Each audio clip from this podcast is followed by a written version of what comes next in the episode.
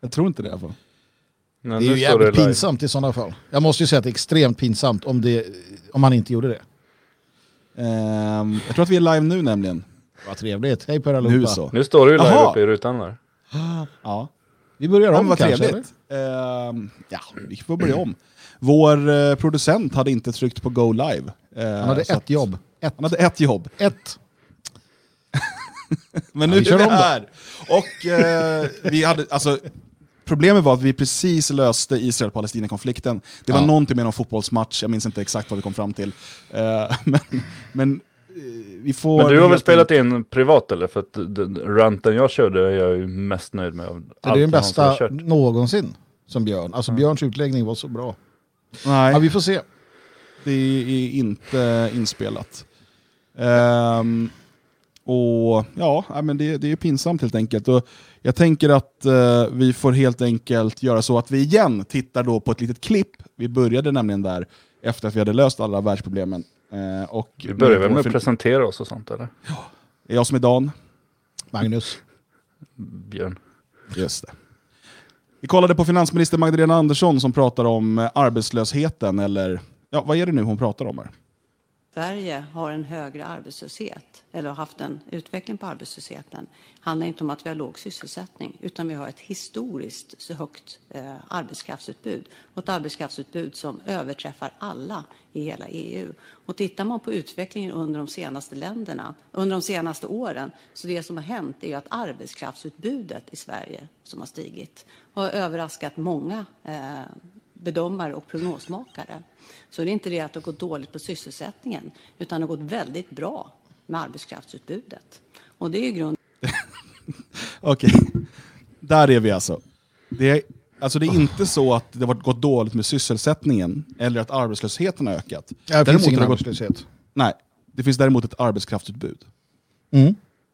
Det, det, Det, här det är ju, är inte det här definitionen av så här Orwells nyspråk? Ja, det är definitionen av svensk socialdemokrati, utan tvekan. Det, men det är ett maktparti och det är, rätt, det är ändå rätt charmigt att de, att de lyckas alltid få det dit de vill. Ehm, så att arbetslöshet är arbetskraftsutbud.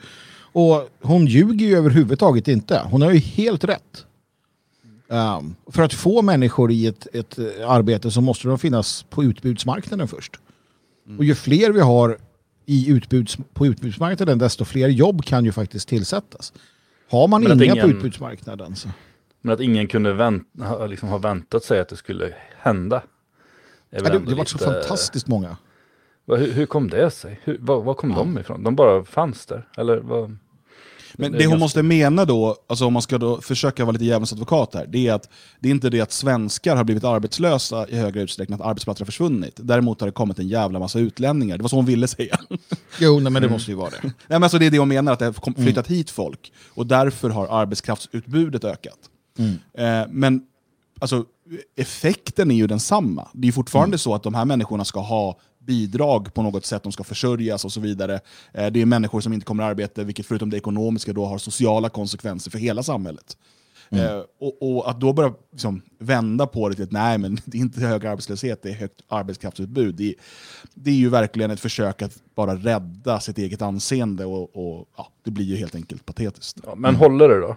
Jag menar, är det någon som sitter och tittar så bara ja, nej men det har hon ju rätt i. Nej men, nej, men det går ju riktigt bra. Ja, jag Ja, vet alltså- inte. Kan, ja, om ett tag. Alltså, jag tror att allt är sånt där... Man tänker att allt är så dumt. Kom ihåg när hen introducerades? Mm. När såg det, allt, nu är det överallt. I varenda Ja, nu använder ju vi det också. Det är överallt. Och Men kommer ni ihåg för fyra år sedan, eller f- ja, fyra år sedan när de skulle börja på att riva statyer, Black Lives Matter och så vidare. Eh, och i stort sett all gammelmedia var emot det. Det här är fel. Idag är alla för det istället. I stort sett. Alltså det, det, det förändras ju. Och, eh, här står hon och säger då att nej, men det handlar inte om att Sverige har arbetslös, hög arbetslöshet, utan vi har ett eh, högt arbetskraftsutbud. Och det är ju någonting positivt. Om några år så kommer vi se Daniel Svedin och eh, vad heter han, Anders, eh, vad heter han, pizza i, råtta i pizzan, eh, ja, Aftonbladet där. De kommer sitta och säga Ja, samma Winberg. sak. Jo, men Men det att- Sverige har nu EUs högsta arbetskraftsutbud. Vi har aldrig varit starkare än så här. Man, man hör ju också det man vill höra såklart. Om du tror att du är sjuk och sen säger en doktor att nej men det här är inget allvarligt, du är bara lite förkyld, då mår du mycket bättre. Det är samma sak om du, om du förstår att det är problem i landet och att det, det inte är som det ska. Eh, men så säger ändå finansminister Andersson att jo då, alltså, det är inte någon större fara, vi har ändå ett, ett överskott på arbete och sådär. Då känns det lite bättre. Så om de bara ger, ja men det är bröd och skådespel. Alltså fienden kan stå för porten. Um, men, men det känns bra ändå. De kan linda in själen och oron i lite uh, snack helt enkelt. Mm. Det är lite som, uh, vi, ska in, vi ska absolut inte bygga någon mur. Eller uh, alltså, i, i DDR som man sa då, bara Mm, typ kvällen innan muren började byggas. Eh, eller eh, Bagdad Bob som står och i stort sett, eh, liksom, man ser amerikanerna invadera bakom honom. Och han säger, nej det är inga amerikaner här, vi har tagit dem allihopa. Nej men det funkar, det funkar. Tills det inte funkar längre. Absolut, absolut. Vi ska kolla på ett till klipp, eh, även, ännu en svensk som nu det som är bra med när de beter sig som idioter i riksdagen, det är att de inte gör bort Sverige för resten av världen så mycket, utan då stannar det där. Eh, problemet är när de ger sig ut på internationell spelplan, och vi har två sådana exempel här.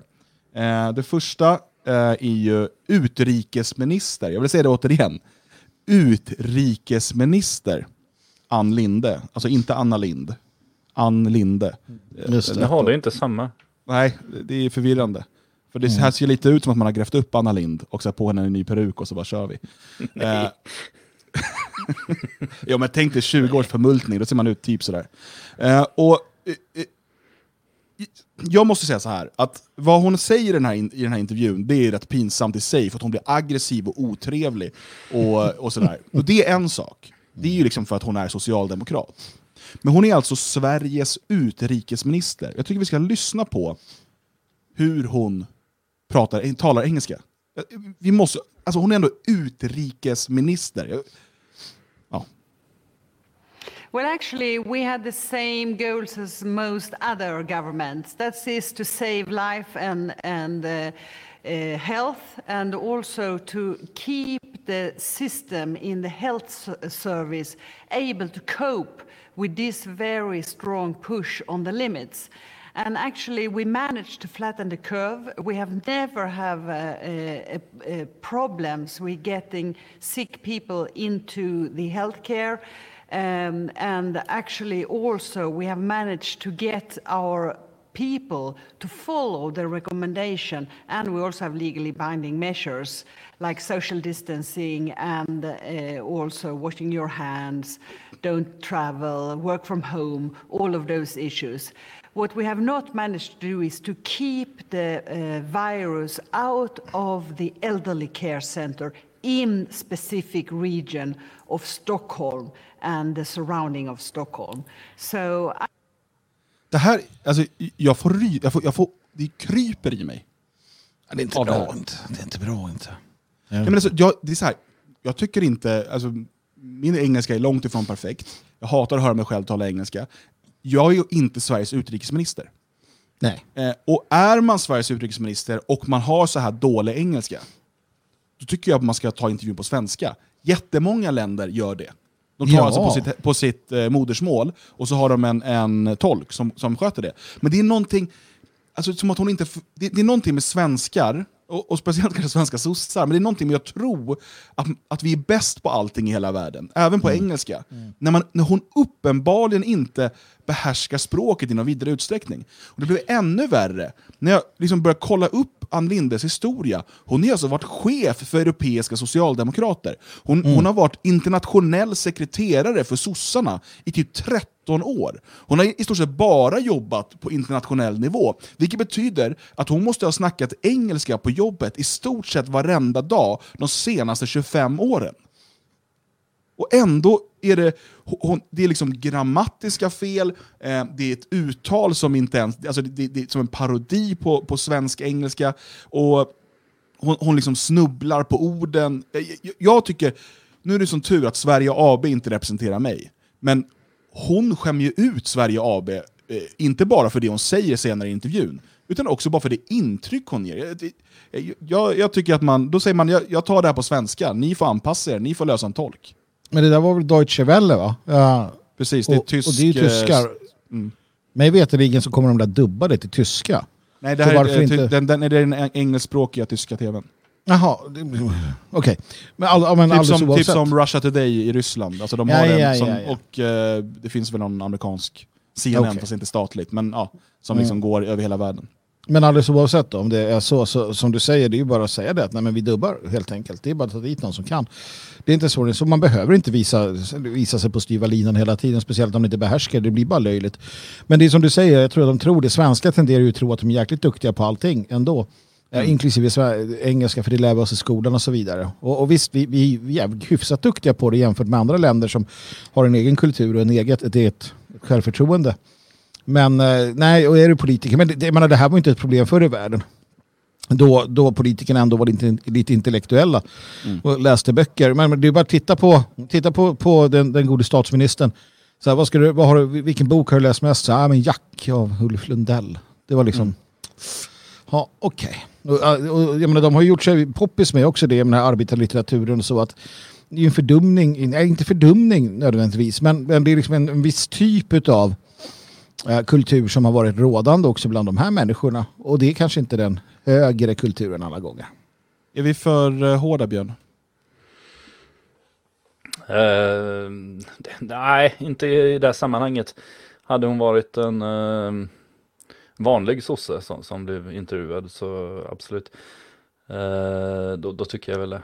Eh, det finns ju ingen skyldighet hos svenskar att vara bra på engelska. Men ehm, eh, Eh, att själv sätta sig i en sån situation. Jag pratar ju aldrig engelska eh, offentligt. Jag kan eh, sitta och svinga bägare på engelska men jag gör det inte inför en kamera. Därför att jag eh, inser mina begränsningar och de gånger jag har blivit intervjuad av utländska medier så har det varit med tolk för att jag finner ingen mening i att eh, försöka lägga ut orden på, på ett språk som jag behärskar sämre än mitt eget språk. Ehm, men, men då är jag ju inte någon minister heller så. eh, Nej, och framförallt kanske- inte utrikesminister. Nej, hon kanske har en viss skyldighet att och, och, och föra sig på engelska också. Och det gör hon ju inte helt perfekt. Uttalet må vara, det tycker jag kan vara lite charmigt med, med svensk brytning. Men, men eh, det lämnar ju mycket annat att önska också. Ja, det värsta var att hon hade, och det där är man ju inte själv också, men hon hade, hon hade tittat på några avsnitt av Summer, Midsummer Murders. Och sådär, så hon fick till lite engelskt på vissa och sen så vart det jävligt amerikanskt på det andra och sen blev det hemskt svenskt. Så det är en sån här, och där håller jag väl med om att det kan vara lite roligt om det är någon annan än, än utrikesministern. Men jag menar, det finns ju pengar på UD, använd det till en tolk. Alltså, jag vet inte om det, vad det är hos mig, men jag tycker ju att en, alltså en utrikesminister ehm, bör självklart vara en god diplomat. Det är viktigt. Eh, och kunna sköta våra internationella relationer. Men bör också behärska, gärna liksom engelska, tyska och något latinspråk, franska eller italienska eller någonting, eh, ganska väl. Alltså att man ska ha en sån person som är så pass eh, alltså kan röra sig så mycket i de rummen. För att, och engelska, det är ändå, alltså visst, det, det, är ett, det är som det internationella språket, men det är så många som eh, försöker prata det och man kan komma fram med det. Men för att verkligen ta det in i till exempel tyska eller franska rum, så att säga, så är språket en oerhörd nyckel. Där talar de inte alls engelska i samma utsträckning. Nu vet jag men- inte, hon kanske kan flytande franska, jag har ingen aning. Men henne, jag, jag, jag, jag, jag, tycker att, jag tycker att det blir som en symbol för liksom det korkade ledarskapet i Sverige.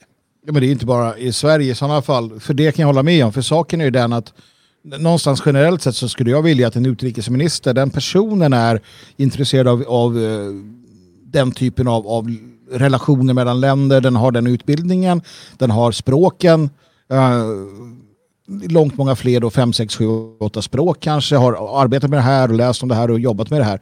Men det här är ju en sosse politruk som har blivit minister. Men tar du Mike Pompeo, vad kan han? Han kan komma dravlande med amerikansk engelska, yeah liksom en jänkare.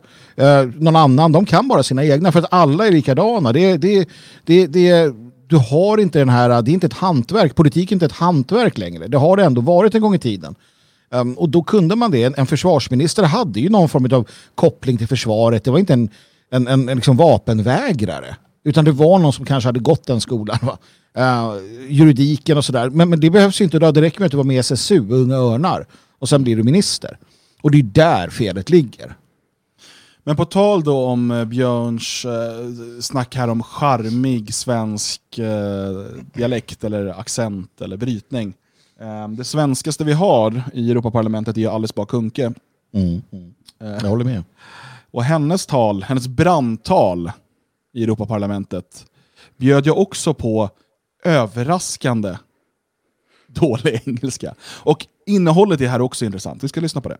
A few days after the killing of George Floyd, I was putting my youngest daughter to bed.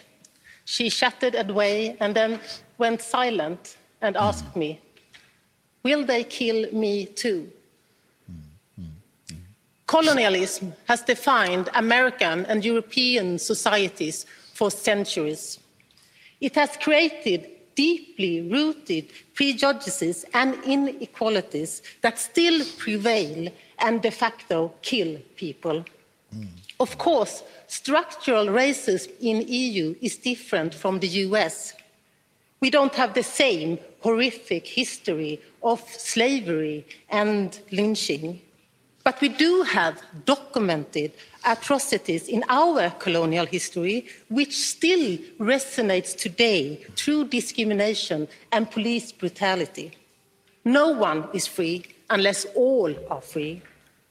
This parliament and your commission will define how the EU steps up to create a sustainable society that leaves no one behind. There can be no room for racism and discrimination. A first step would be to unblock the anti-discrimination directive that stuck, has been stuck in council since 2008. Madam President, I call on you and the incoming German presidency to take this historic opportunity for Yeah. action. We were can. Tonight, I want to put shit. my daughter to bed Yes. and assure her you will be safe. Because in the EU, we refuse to be silenced by hate, by fear, by ignorance. I ask on the behalf of my daughter, if not now, when? Bravo! Retoriskt eh, geni. Men alltså, det finns ju åtskilliga saker här att diskutera och resonera kring. Vi kan ju börja med att lägga det här med dottern i lådan som aldrig hände. Eller, fan håller de på med? Alltså, eh, jag vet inte hur gammal dottern är där, men de flesta unga vet inte, de, de har ju inte ens en förståelse för att de ska dö. De är ju som djur. De säger bara, men vadå dö? Vad är det för något? De kan inte ens greppa det. Hon bara, me too mamma, are they gonna kill me too? Det är för i sådana fall, i sådana fall har hon suttit och skrämt upp honom. Och bara, ser du alla de här vita överallt? Henne. De kommer lyncha dig. Ja, henne. De kommer lyncha dig. De kommer döda dig för att du är svart. Eller ja, lite så här brun liksom. Precis, det finns ju Skitbra. två alternativ. Antingen ljuger hon om sin dotter, vilket jag faktiskt tror är det mest troliga. Ja. Eller så har hon eh, alltså, tutat i sin dotter riktiga jävla skräckhistorier som kommer traumatisera henne för resten av livet. Mm. Will they kill me too? Alltså, vita dödas i mycket högre utsträckning av svarta än vad svarta dödas av vita i Mm. USA. Om vi tittar, om man tar bort eh, socioekonomisk klass, om man kollar då eh, vita och svarta som blir gripna för liknande brott, så dödas vita oftare av polisen. Ja, ja visst. Alltså, visst. Det, alltså allt det här är dokumenterat, allt det här finns statistik på. Eh, så vad är det hon har tryckt i sin dotter för jävla bullshit? Hur kan hon stå där och, och säga saker som skulle betyda att hon har tryckt i sin dotter propaganda som kommer traumatisera henne för livet? Var är socialtjänsten? Ta barn ifrån henne! Hon är ju en livsfarlig förälder. Ta Ja, medborgarskapet du- ifrån henne också. Skicka henne... Ja, mm, okej. kan ju vara så här. Va? Det kan ju vara så att dottern har down syndrom. Och i sådana fall så finns det en sannolikhet att svensk polis kommer skjuta ihjäl henne i ryggen om hon är ute och går för sig själv. Eh, för det gör de ju ibland. Det har ju hänt va. Men, men jag vet inte om JB Östermalm och Blåklint eller vad fan han heter, Dunkelblå på Twitter, de här Twitterpolisen och Peppe Polis och Persson Polis och allt de heter. De kommer ju aldrig skjuta en svart kille, eller tjej för den delen. Det kommer ju inte hända. De skulle ju inte ens dra batong mot någon, någon hjälte från orten. Va? Utan att puckla på någon vit nationalist möjligtvis. Men jag vet inte, liksom, vad, menar hon att hon ska åka till Atlanta? Nej, där har hon Blue Flu. Jag menar, vart är det, vart är det ens i referensramarna sådär svensk polisvåld mot svarta? när hände det sist? Ja, det var när den här Cavesa började veva omkring på centralen kanske, någon ordningsvakt tog tag i henne. Men det händer ju inte. Så att, nej, det är ju en lögn naturligtvis. Det är retoriskt grepp, ganska dåligt. Och ännu sämre för att hon ser ut som en maräng Eh, och ehm, pratar engelska som eh, Ann Linde på en dålig dag. Eh, det, alltså engelskan är ju, och, och, hon säger alltså Joyce Floyd. Mm, Joyce Floyd, ja, his- han- Historic opportunity. Alltså det är någonting, high sto- shark storic tror jag blir på engelska. Eh, det, Shark story. Ja, Det är så himla konstigt att hon... Nej. Samma sak, i Europaparlamentet. Du måste inte prata engelska.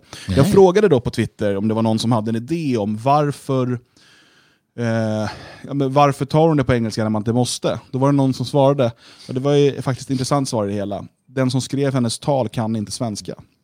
Nej, så kan det definitivt vara. Absolut. Det är från de här Left Green eller vad de heter. Så Mm. Partigruppen, det är någon där som har presenterat vad det ska handla om. Ja. Man kan ju såklart få det översatt, men, men eh, väldigt ofta får du ett tal satt i händerna på dig. Antingen någon ifrån eh, din left green-grupp där, eller kanske någon eh, lobbyist av något slag. Som tycker att, kanske någon Open Society Foundation som tycker att eh, här, ni får ni fortsätta bidrag. Det här skulle vara ett bra tal att hålla i parlamentet. Men Säg sen blir det, så, dotter. det blir också så fräckt. Alltså, då har de ju frågat så här, ah, har du en dotter eller son eller sådär? Då bara, ja, men jag har en dotter. Ja, men vi skriver så här. Och jag kan, jag kan köpa jag kan köpa att man till viss del förenklar när man håller ett tal. Om du till exempel har träffat tre olika personer som berättar en, en, en snarlik historia, då kan du göra dem till en. För att slippa sitta och hålla på sådär. Uh, du kan också, du, du har rätt till ett visst, en visst broderande när du håller tal. Det, det förväntar man sig. Men du kan inte ljuga. Det är där det här kommer in. Och du, definitivt inte om din egen familj. Liksom. Nej, usch. Nej, det är lågt. Jag vet inte Björn om du eh, fick med någonting av Alice Bakunkes brandtal.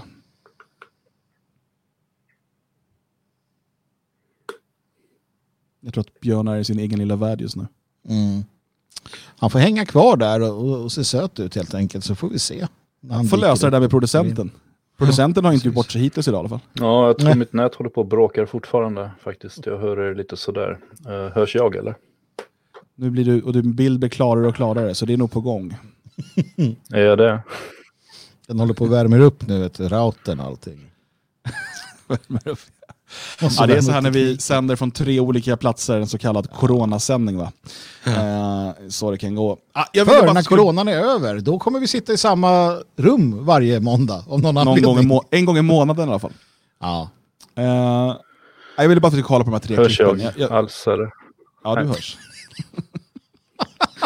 Nu är du förvirrad. Producenten Ja, ja. löste det här. Ja. Eh, och, eh, de här har varit väldigt omtalade alla tre den här senaste veckan. Eh, och om du hade missat dem så varsågod. Det här är, det här är alltså det- här är det bästaste tjejgänget, så att säga. Det här, är, det här är tre av Sveriges... Alltså, det är två stycken ministrar. Så det måste ju vara en av de typ 15 bästa i Sverige. Eh, och sen har vi då en Europaparlamentsledamot, eh, och som tidigare varit minister. Vi tar väl kanske topp 40? Mm. Topp 40 bästa. Och då vill jag bara, när du säger det, men det ger de ju inte för det. Om du tror att den typen av representativ demokrati som vi har idag med allmän rösträtt och så vidare är ett bra system, då är det det här, det här är vad du får. Det här är vad det systemet skrapar fram. Det här är resultatet av det systemet. Du kan komma med hur många förklaringar du vill om om de ljuger i media eller de har mer och så vidare. Det här är om vi ska välja företrädare på det sätt som de väljs idag, då är det enligt det systemet är det här några utav de absolut bästa vi har i Sverige. Man måste ha det klart för för det, det, det är resultatet du får. Det som man kan, om du blandar två färger och så får du resultatet en färg, då är det, ja, men, eh, det är ju för att eh, för, du kan försöka förklara med molekyler och så vidare, ja, men det är resultatet du får. Mm. Du vet det. Vill du inte ha det resultatet, då får du sluta blanda de två färgerna. Då får du blanda andra färger eller tänka om helt. Och Det är samma sak här. Vill, du ha ett, vill vi ha ett annat resultat? Vill vi ha ett mer kompetent styre? Vill vi ha eh, liksom ett tryggare, ett svenskare styre? Ja, då kanske vi måste ha en annan urvalsprocess än den vi har idag. Och Det behöver inte betyda att man behöver kasta allt vad, som heter, vad demokrati heter på soptippen. Det betyder bara att det finns många saker som är fel i urvalsprocessen idag. Hur fungerar partierna? Hur tar man sig fram där? Vem blir företrädare och varför? Hur fungerar eh, det representativa systemet? Hur, allt det här. Alla de här sakerna eh, bör diskuteras och eh, om, vi, om vi vill få ett bättre resultat så måste vi också ha en bättre urvalsprocess. Jo, och, och du har ju andra aspekter. Det där naturligtvis skolan, eh, skolans, hur den fungerar. Du har militärtjänst kanske. Andra saker som alla borde gå igenom för att kvalificera sig till att eh, kunna ställa upp och bli minister eller, eller sådär. Eh, så att det finns ju mycket att jobba med på den punkten. Men utifrån det vi har så ska vi vara nöjda och glada. Eh, för det kan, kan bli ännu värre, eller det kommer bli ännu värre. Eh, såklart, det, det ser man från andra länder. Det är ju riktiga stolpskott som hamnar på, på ledande positioner. Och det är bara, det är bara när, man, när man såg de här två tjejerna på, på den här demonstrationen, BLM-demonstrationen i, i Göteborg, va, som gick där och, och prata om att det spelade ingen roll om folk dog och sådär. Det är de som är framtida ministrar i Sverige. Det, det är alltså den typen av människor. Eller du hittar någon som sitter i sin källare, sin källare eh, hemma hos mamma och pappa och tittar på Pornhub på ena sidan och så spelar något spel på andra. Det är den framtida ministern för hälsa och, och psykisk eh, trygghet i Sverige. Eller någonting. Det, det är där, där vi är på gång. Du kommer, bli, du kommer bli styrd av dem på ett eller annat sätt. Men de kommer i sin tur också vara lättstyrda av andra intressen. Wallenbergkoncernen till exempel. Eller andra som, som har något, något intresse i detta. Så att det är vad det är. Ja. Och så kommer det fortsätta vara ett tag. Helt klart. Nu ska vi se om det här funkar då. Hur var det i midsommar, Björn? Hörs jag nu? Nu hörs det. nu får jag vara med. Eh, jo, den var alldeles utmärkt var den. Jag ehm, eh, befann mig med min familj på um, Orust. Som är en, ehm, jag vet inte, förr sa man att det var den tredje största ön, det fick jag lära mig. Sen har det kommit massa andra öar som har kommit, hoppat om. Eh, de har inte vuxit, men de har om... ehm, eh, ja, man har hittat på att nu, nu är den inte störst. Eller nu är den fyra, femma någonting. Där var jag i alla fall. Eh, plaskade runt i vattnet lite grann eh, runt omkring och eh, hade mig. Eh, typisk midsommar var det. Eh, vi dukade ut allting, då kom regnet, fick vi bära in bordet. Och sen tänkte vi att ah, vi tar ut det igen och så precis när vi skulle börja bära ut det då kom det en gång till. Jag har stått och grillat i ösregn, eh, sådana saker. Eh, allt som man kan förvänta sig av en eh, midsommar, utom, utom alkohol och sånt. Det tyckte jag kändes eh, onödigt. Så mm, en lugn och städad eh, midsommar med eh, familjen. Härligt. Uh, kan tänka mig hos Magnus, som vanligt så var det fullt ös medvetslös. Oh ja, herregud, jag är fortfarande bakfull. Alltså, gud vad det hälldes i eh, alla möjliga sådana här... För de som inte känner dig Magnus, det där är inte sant. Nej, det är inte sant. Jag dricker ju i princip ingenting. Ehm, och det var ingen dricka där heller. Uh, annan dricka naturligtvis. Nej, vi, vi var här hemma i Elgarås, inte i Svenskarnas hus däremot. Eh, utan hos en, en annan familj. Vi hade en liten intim, trevlig eh, sånt där firande. Klockan nio ungefär, då gick jag hem. Ehm, eller familjen gick hem och sen så tog vi det lugnt. Och så somnade vi. Hade det bra. Inga konstigheter. Eh, inga större firanden heller. Jag skrev ju om det på på, på nationalisten. Jag tror det är ganska bra att det inte var de här stora firandena, det här kommersialiserade uppe i, i Dalarna till exempel med hundratusen närvarande och, och andra. Utan nu var man tvungen att själv göra någonting. Jag tror att det var nyttigt för, för, för människor. Faktiskt. Lite mindre eh, intima, trevliga, familjära firanden. Så att, eh, hoppas att ni alla fick. Jag är mest intresserad av hur det var i, i, eh, i Tyskland. Va? För att, jag vet ju att du bor nära vår vän Barn nu. Eh, och han Ja. är ju svenskare än svensk när det kommer till sånt där.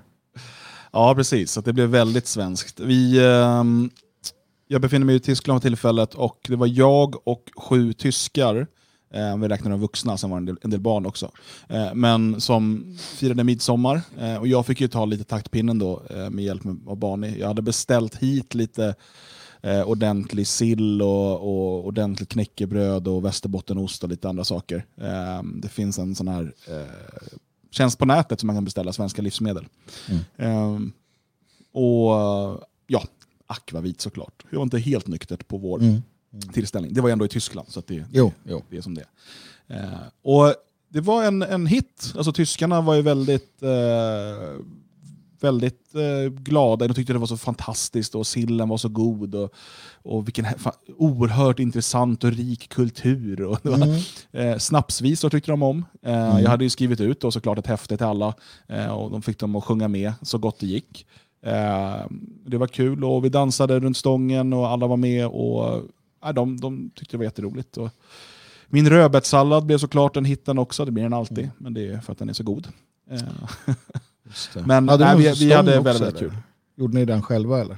Ja, precis. Ja. Vi såg till att resa den där på, på förmiddagen. Så att det, skillnaden blev ju, eh, för att de flesta tyskar jobbade ju till fem, så att vi Mm. liksom, det vart ingen sillunch på det sättet, utan vi käkade väl fram mot sjutiden på kvällen.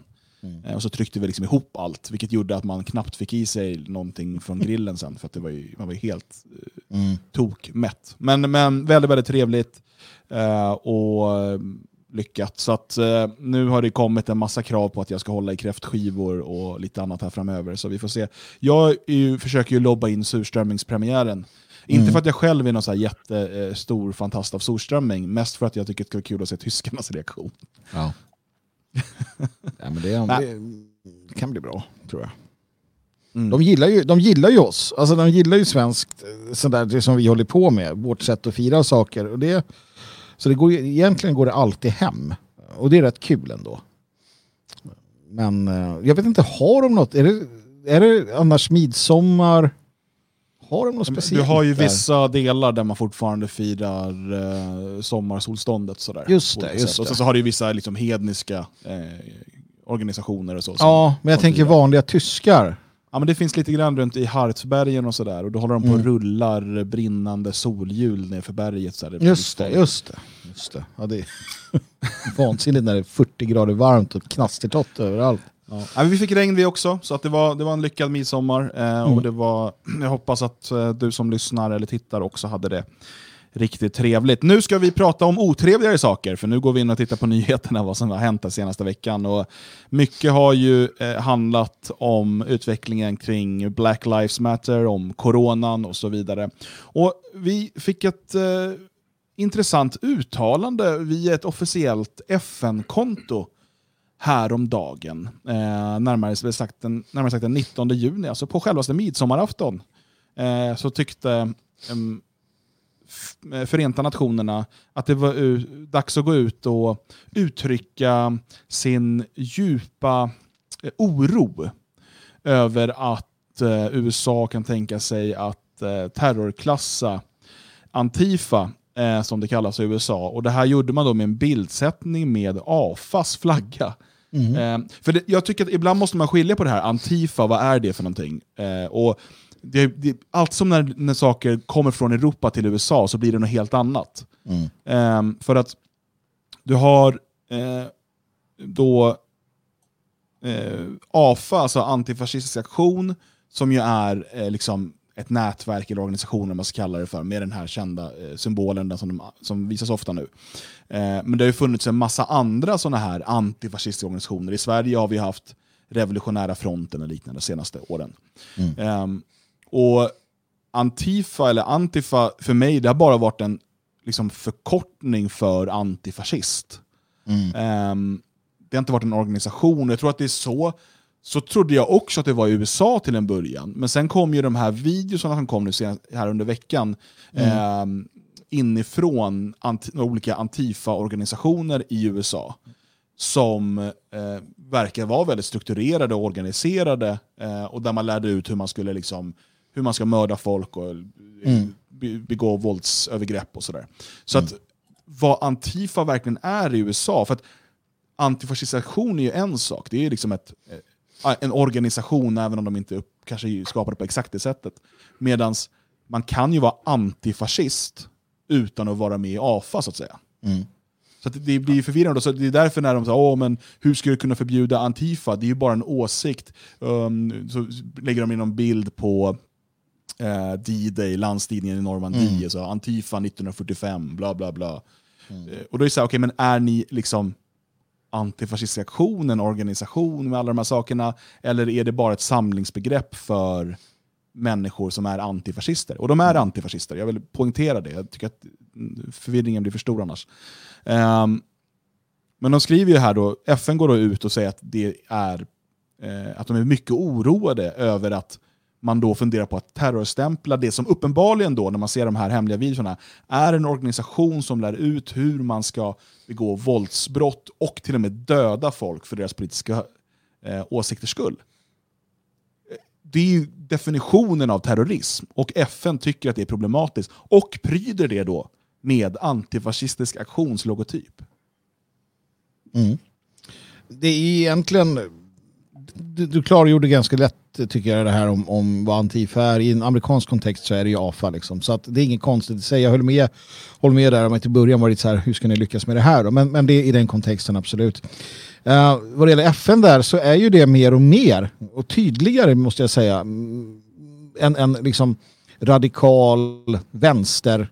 Um, det har blivit mer och mer radikal liksom vänsterliberalt. Um, jag vet inte vad det beror på, men om du tittar på människor, det här rådet för mänskliga rättigheter och sådär som, som allt mer um, har... Du hade ju Saudiarabien och liknande som, som vid, vi, vi spakarna där. Och, och man kan säga han WHO, uh, eh, nu är det en annan organisation, men hela det här kotteriet är ju liksom gamla marxister och revolutionärer hela högen. Och så då människorättskämparna eh, där i Haag, det var ju då eh, Haagkontoret, du har ju FN-skrapan i, i New York.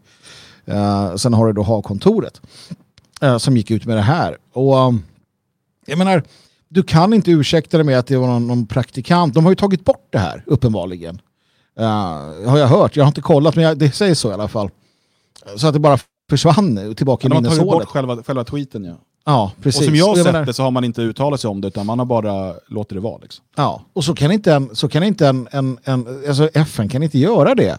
Vi har ju sett liknande i Sverige när de har vräkt ur sig saker. Eh, Men det är också för att det är, man måste förstå att, att det är aktivister som tar över. Det är politiska vänsterliberala eller andra aktivister som tar över myndigheter, FN, WHO och vad du vill.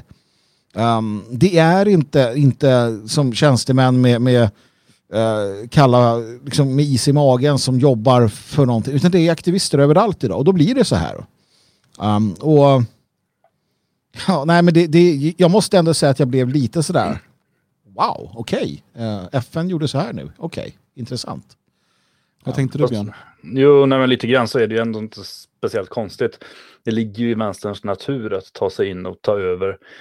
Ehm, vilket de ju gärna gör. Och det här är ju dessutom deras planhalva, det är ju deras frågor. De brinner ju för de här eh, så kallade mänskliga rättigheter och eh, liknande eh, ja, idéer, alltså egentligen ganska flummiga idéer som saker man inte riktigt kan ta på medan högern mer är intresserad av eh, ja, skattefrågor och sånt där. Den, den klassiska högen. Och, eh, och, och hela FN-projektet är ju egentligen från början ga- ganska vänster. Alltså att man ska skapa en form av världsregering som eh, tillsammans är, är eh, ja, styr över de som inte eh, låter sig styras annars. Eh, Och det är klart att vänstern vill vara med där. Så på så sätt är det inte konstigt att de hittar dit. Sen är det ganska häpnadsväckande ändå att de gör ett sånt här uttalande mot en uppenbar våldsvänster. Ja, eh, verkligen. Och dessutom att man går ut och... Egentligen, för det som händer är att vi ser ju he- hela det här globalistiska kotteriet eh, gå i clinch med Trump gång efter gång. Det är fortfarande så att det är en folkvald president i USA som har gjort det här uttalandet och det nu håller på och undersöks hur det ska kunna göras. Och att FN då går ut och markerar mot USAs president. Det här är inte första gången som någon av de här, WHO har varit ute och svingat och där har Trump svingat tillbaka och så vidare. Och, och det gör ju det hela intressant och det, det är det också som gör det extra intressant med Trump vid makten. För att även om vi ofta är oense med, med Trumps förehavanden, inte minst eh, utrikes, så är det ju uppenbart att det skapas spänningar här. Och jag tror inte, eh, är man väldigt konspirationsteoretiskt lagd så skulle man kunna säga att det här bara, bara är spel för gallerierna och det är liksom, han finns där för att, som någon typ av pysventil och egentligen är de alla överens om någon typ globalistisk världsregering. Men jag tycker att det är tydligt att det finns ordentliga spänningar, att, att Trump är för okontrollerbar. Han, han, eh, i, i, han är jobbig för eh, globalisterna i form av FN och, och Världshälsoorganisationen och, och alla de här stora eh, kolosserna. Eller vad tänker du där Björn? Ja, jag försvinner lite grann igen märker jag. Så jag har inte hängt med helt i, i ditt resonemang här, tyvärr. Det var smart sagt. Ja, jag håller med dig. Det var smart sagt. ja. Var... Eh, nu har jag sänkt eh, bildkvaliteten på min lite här, så nu kanske jag bättre hänger med. Jag hoppas det. Ja, vi får hoppas det fungerar bättre. Eh, det är de här tekniska utmaningarna vi står för. Det är som Magdalena Andersson hade sagt, alltså vi har inte, det är inga problem med vår teknik. Vi har bara ett, utbud av, ett stort utbud av teknikproblem. Stort utbud av boomers. Vi vet inte var de kommer ifrån. Plötsligt så blev de gamla. ja, det, det, är sånt som händer. Eh, men eh, jag antar, och det här kanske inte blir så mycket diskussion, men som nationalist, går det att vara för att stanna i FN? Eller bör man, precis som man liksom principiellt bör arbeta för ett Swexit, eh, bör man också arbeta för att lämna FN? Eller hur ser du på det?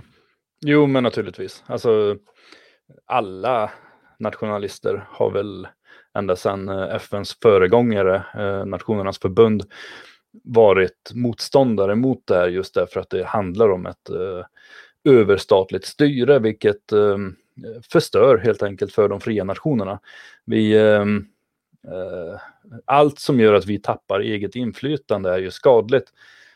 Sen ska man ju inte vara fientlig mot samarbeten och att man kan sitta ner och prata med varandra. Eh, men, men just det här eh, bestämmandet som, som vissa av de här överstatliga föreningarna eh, tar sig rätten att göra. FN är en sån, EU är en annan. Att man inte bara nöjer sig med att man ska försöka komma överens utan att man riktigt ska gå in och styra och bestämma. Om man talar om behovet av en uh, världsfred till exempel, samtidigt som man inte gör någonting om till exempel USA går in och bombar skiten ur Irak. Mm. Därför att då, då, då passar det agendan på något sätt. Och då, då låter man det ske. Eller om vi tar kriget mot uh, Serbien. Så fort USA gått in och bombat så har FN stått och bara accepterat.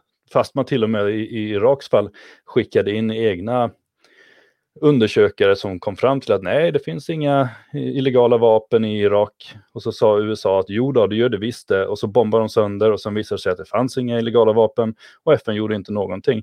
När de inte ens går in och på något sätt fördömer en sån handling, alltså bomba ihjäl en massa människor för att man eh, av politiska skäl ogillar ledningen i landet, då, då fyller det ingen som helst funktion. Utan bara ja. springer runt och fördömer rasism och, och i det här fallet då tycker att det är för jävligt om man förbjuder våldsgrupper för att det hindrar samtalet. ja, man, man, man ser ju verkligen hur, hur, Black Lives Matter och Antifa nu på USAs gator, hur de bara söker dialog. De försöker, bara, ingen vill prata med dem. De försöker liksom de har provat knacka, ingen öppnar, nu slår de sönder fönsterrutorna, ändå är det liksom ingen som vill prata med dem. Det är ju, de har ju ingen fritidsgård, de har ingen lokal. Det är så orättvist. ja, verkligen. Inte Nej. statyerna svarar, så de måste riva ner dem för att det ska hända något. Tänk om allt på ett missförstånd, att egentligen så är det en massa eh, BLM-aktivister och Antifa som de försöker prata med statyer och är skitsura för att de aldrig får något svar. Det, att det är det det handlar om. Och så rått autistiska. Ja. Nej, men sen ska man ju komma ihåg med FN, du har ju, eh, liksom, man sätter in Kina i, var i säkerhetsrådet och Saudiarabien i liksom, kommittén för kvinnliga rättigheter och vad det nu var. Alltså det, och, och, och, allt det, vi vet ju Sverige mutas in i det där säkerhetsrådet mer eller mindre. Eh, det, det, det är bara återigen kotteri och de kliar varandras ryggar. och i, i grunden ett, ett politiskt vänsterprojekt som är i, liksom fientligt mot eh, nationalismen och, och, allt vi står för. Eh, så Magnus, varför ska vi stanna i FN?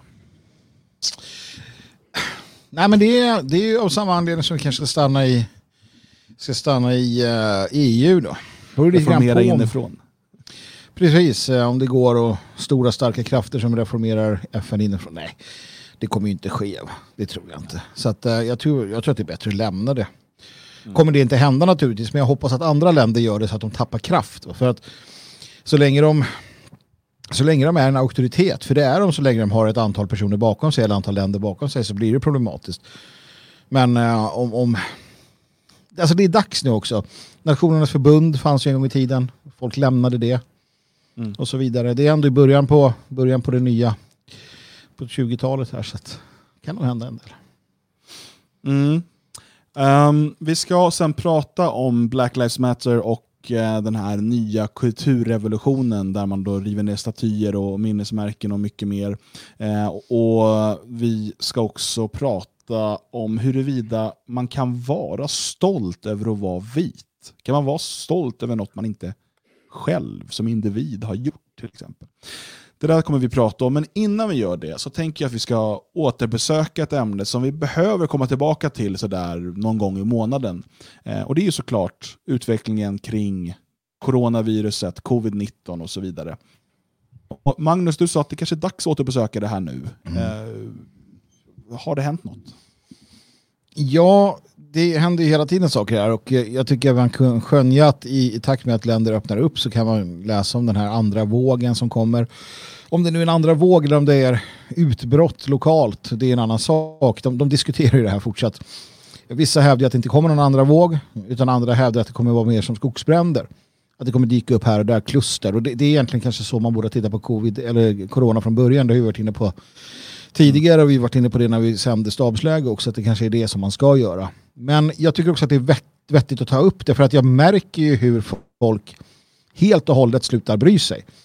Uh, och nu börjar de här liksom, eh, det här putslustiga att äh, men vi, ja, nu kan vi börja skaka hand och vi kan börja liksom kramas och sådär för att äh, det där är liksom ingenting. Uh, och jag tycker att det är ganska dumt för att vi har kunnat se hur, hur barn till exempel uh, har farit illa utav att få covid. 19 av andra skäl. Eh, barn har påverkats på, till exempel då, förutom de gamla och, och sjuka så har ju barn påverkats. Och det vet vi nu i efterhand. Va? Eh, och, och, det finns många som tillhör de här riskgrupperna och så vidare. Och jag, jag bara för att liksom vara lite macho och tycka det är lite häftigt och nu kan jag göra som jag vill. Jag tycker att det är respektlöst. Jag tycker man ska ta det på allvar. Jag tror fortsatt att det här är ett virus som finns. Eh, vi känner människor som har varit utsatta för det, som har råkat illa ut. Uh, däremot så, så, så, finns det ju ett, ett, ett, Man behöver kanske inte vara så som vi trodde initialt. Va? Men att helt bara uh, flabba bort det, det tycker jag är liksom ett tecken på låg intelligens, ärligt talat. Men, men hur mycket menar du att man ska anpassa sig efter det här viruset? Jag tycker att man ska vara svensk i sammanhanget. Jag tycker att man ska vara svensk i det att man fortsätter att, att hålla lite avstånd, att uh, inte gå och nysa varandra i nacken, uh, att, att inte vara italiensk kindpussare. Um, det tycker jag är fullt normalt. Och jag, jag ser ett, ett värde i uh, faktiskt fortsatt... jag menar, vi i Svenskarnas hus kommer inte öppna upp för 300 pers som står här och, och, och hänger på varandra. Nu såg jag att, att uh, nu såg jag att de här uh, Liseberg och Gröna Lund inte får öppna för att det är över 50. Det kan vara lite fel för de är utomhus i vart fall. Men dessutom, Ja. jag säga, när det gäller det med nöjesparkerna så är det ju en föråldrad lagstiftning. Du får Mm. ju till exempel ha typ 3000 pers på Ullared. Liksom. Eh, Som är inomhus dessutom. Det är bara det att just eh, nöjesparker, samma sak med eh, sådana här typ Skara Sommarland och det, de går under någon tivoli-lagstiftning. Ja. Så de räknas inte som de andra och de, de hamnar liksom mellan stolarna. Så det där är ju, det där är ju bara byråkratisk seghet som gör det. Och nu så, ja, det är väl några tusen ungdomar som, får gå på, som inte får sommarjobba i år. Eh, och sådär. Eh, och, Det, det är ju problematiskt. Det, det ja, inte och det, det jag vill komma till är hur mycket ska vi anpassa oss? För att jag, jag, jag, här nere i Tyskland då så har det ju varit eh, lockdown mer eller mindre. Det är inte det nu, men det har ju varit väldigt sådär, man får inte träffas mer än två personer och så. Det är fortfarande massa restriktioner. Men, Mm. och jag har hunnit träffa en hel del småföretagare. Eh, jag vet att här i liksom den lilla staden där jag bor, eh, så har eh, två av tre bagerier, ja det finns tre bagerier i en liten stad för att det är Tyskland, har gått i konkurs. Ehm, en liten sån här privatägd som inte är en stor kedja klädaffär, konkurs. Två av fyra restauranger, konkurs. Ehm, och då får man så här, okej, ehm, v- var går gränsen? Hur många liksom, liv ska offras i konkurser? och eh, liksom att, att, att- För det, det får jättemånga påverkningar Mm. därutöver. Så jag vet inte hur mycket ska man liksom anpassa sig efter ett virus som i stort sett bara dödar människor som är eh, multisjuka och eller jättegamla. Ehm, alltså, jag menar inte att man ska skita i dem, men, men det kanske vore smartare då att låta de som är unga och friska och så vidare att leva ett så normalt liv som möjligt. Eh, och skydda de som är i riskgrupperna. Se till att om man då tillhör en riskgrupp eh, och, och behöver stanna hemma, att man då får eh, ersättning så att man inte behöver sälja hus och så vidare. För det är också sånt, det var en som jag pratade med här då som fick stänga, eh, hårfrisören som fick stänga, eh, som ju var tvungen att sälja sitt hus. De har inte råd att ha kvar huset som de har haft i familjen i generationer. Eh, och Det är ju ett fel som de hade gjort. De hade tagit ett nytt lån på huset för att kunna investera i frisörsalongen. Nu fick de inte frisörsalongen öppen, måste sälja huset, flytta in i en liten lägenhet och bla bla bla. Ja. Nej men visst, och det är ju intressanta frå- frågeställningar. Vi hade ju då i, i grannstaden Töreboda, från eh, en dag till en annan så var det plus 100. Jo, men, är det plus någon- 100, jo, jo, men är det plus 100 som behöver intensivvård? Alltså, och det är ju så här, Nej, nej, här har ju faktiskt svenska politikerna rätt i att nu har man börjat testa jättemånga Mm. eh, mot vad man gjorde förut. Och du hittar, om du kollar, vi kan ju bara... eh, Här är ju människor som behöver intensivvård i Sverige. Mm. Precis. det finns liksom ingen stor ökning eh, där. Däremot, nya fall ökar snabbt. Eller Mm. ökar, det är många fler än vad det brukar vara per dag tidigare. För att man testar bredare, alltså med mindre symptom och så vidare. I Stockholm Mm. har ju alla rätt att få test till och med. Ja, ja visst. Nej men det var ju efter en ramadanfest här som, som det exploderade så att nu går ju de och hostar ner varandra och alla andra. Så att det finns ju den problematiken också. Nu drabbas det oftast de hårdare också sådär. Men, nej, men jag, jag åker ju inte dit och bara går runt för, största, för att det är kul och så här, det är inga problem, det här drabbar bara dem och dem. Uh, ja, jag tänker till. Och, och jag menar, det problematiska är ju att, att man slutar bry sig. Helt plötsligt så slutar folk tvätta händerna. Och, och för att det, ha- vi hamnar där igen. För att vi blev ju av med en massa problem eftersom folk började tvätta händerna. Men sen får man för sig att ja, men nu är det, det var inte så farligt, då kan vi skita i det. Eh, och det, det är konstigt, rent generellt, att människor är på det sättet. Eh, så att jag tycker att en viss, en viss form av liksom medvetenhet bör ju finnas för vår egen del, om inte annat. Mm. Um, Ja, nej absolut. Jag, jag, menar, och det är ju, jag tror att, hoppas att folk kanske lär sig någonting här om generellt sett med personlig hygien och att tänka sig för och så vidare.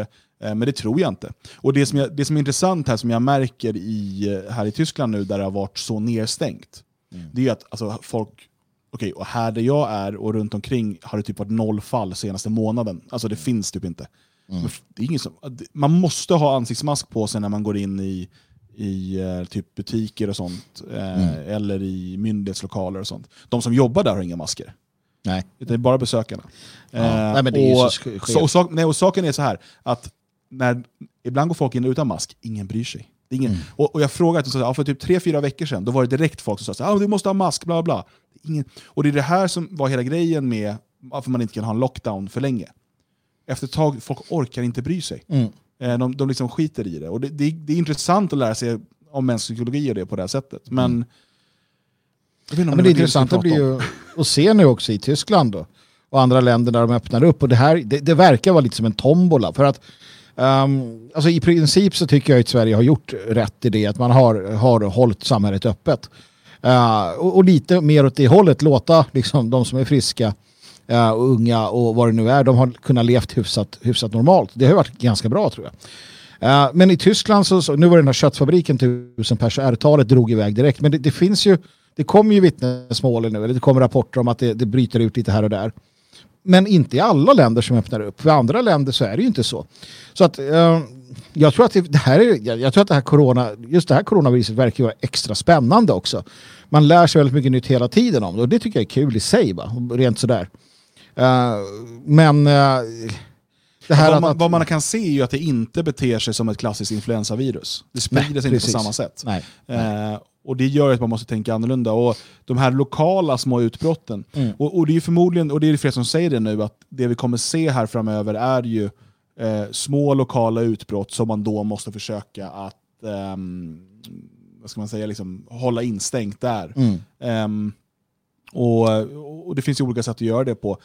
Eh, Men det vi kan se, och vi har sett det från Sverige, eh, och det man även ser i Tyskland, det är att, och- det du sa nu med den här ramadanfesten i Töreboda, vi har haft eh, vissa genomgående problem här. Och det har varit hur äldrevårdssorg- äldrevårdssystemet har varit uppbyggt och hur det har kunnat spridas där, det, har varit en, det är en politisk katastrof i Sverige hur man har gjort det.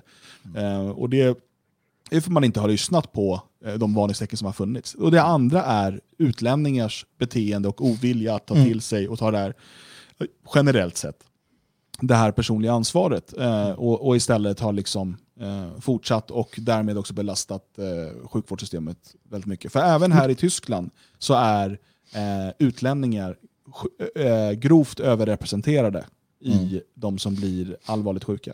Och det var det som var så obehagligt också när man såg att, att eh, barn hade drabbats, alltså att, det fanns en att det fanns en lite högre risk än man hade trott på det här när, när immunförsvaret jäklas med en själv. Då, så att fullt friska människor råkade illa ut och att det, det hade drabbat barn i större utsträckning än man visste.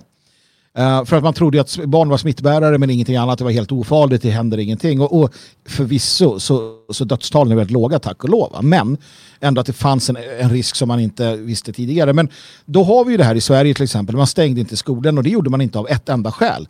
Eh, eller av ett skäl. Och det, det skälet var ju att utlänningar eh, skulle Alltså barn till utlänningar skulle, eh, skulle fortsätta gå i skolan för att de var, riskerade att hamna i, i problematik annars. Det var ju, det var ju enda orsaken.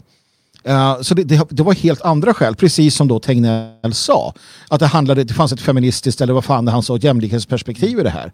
Eh, inte ett medicinskt, ett, ett annat perspektiv. Och det är ju sånt som vi ska komma ihåg.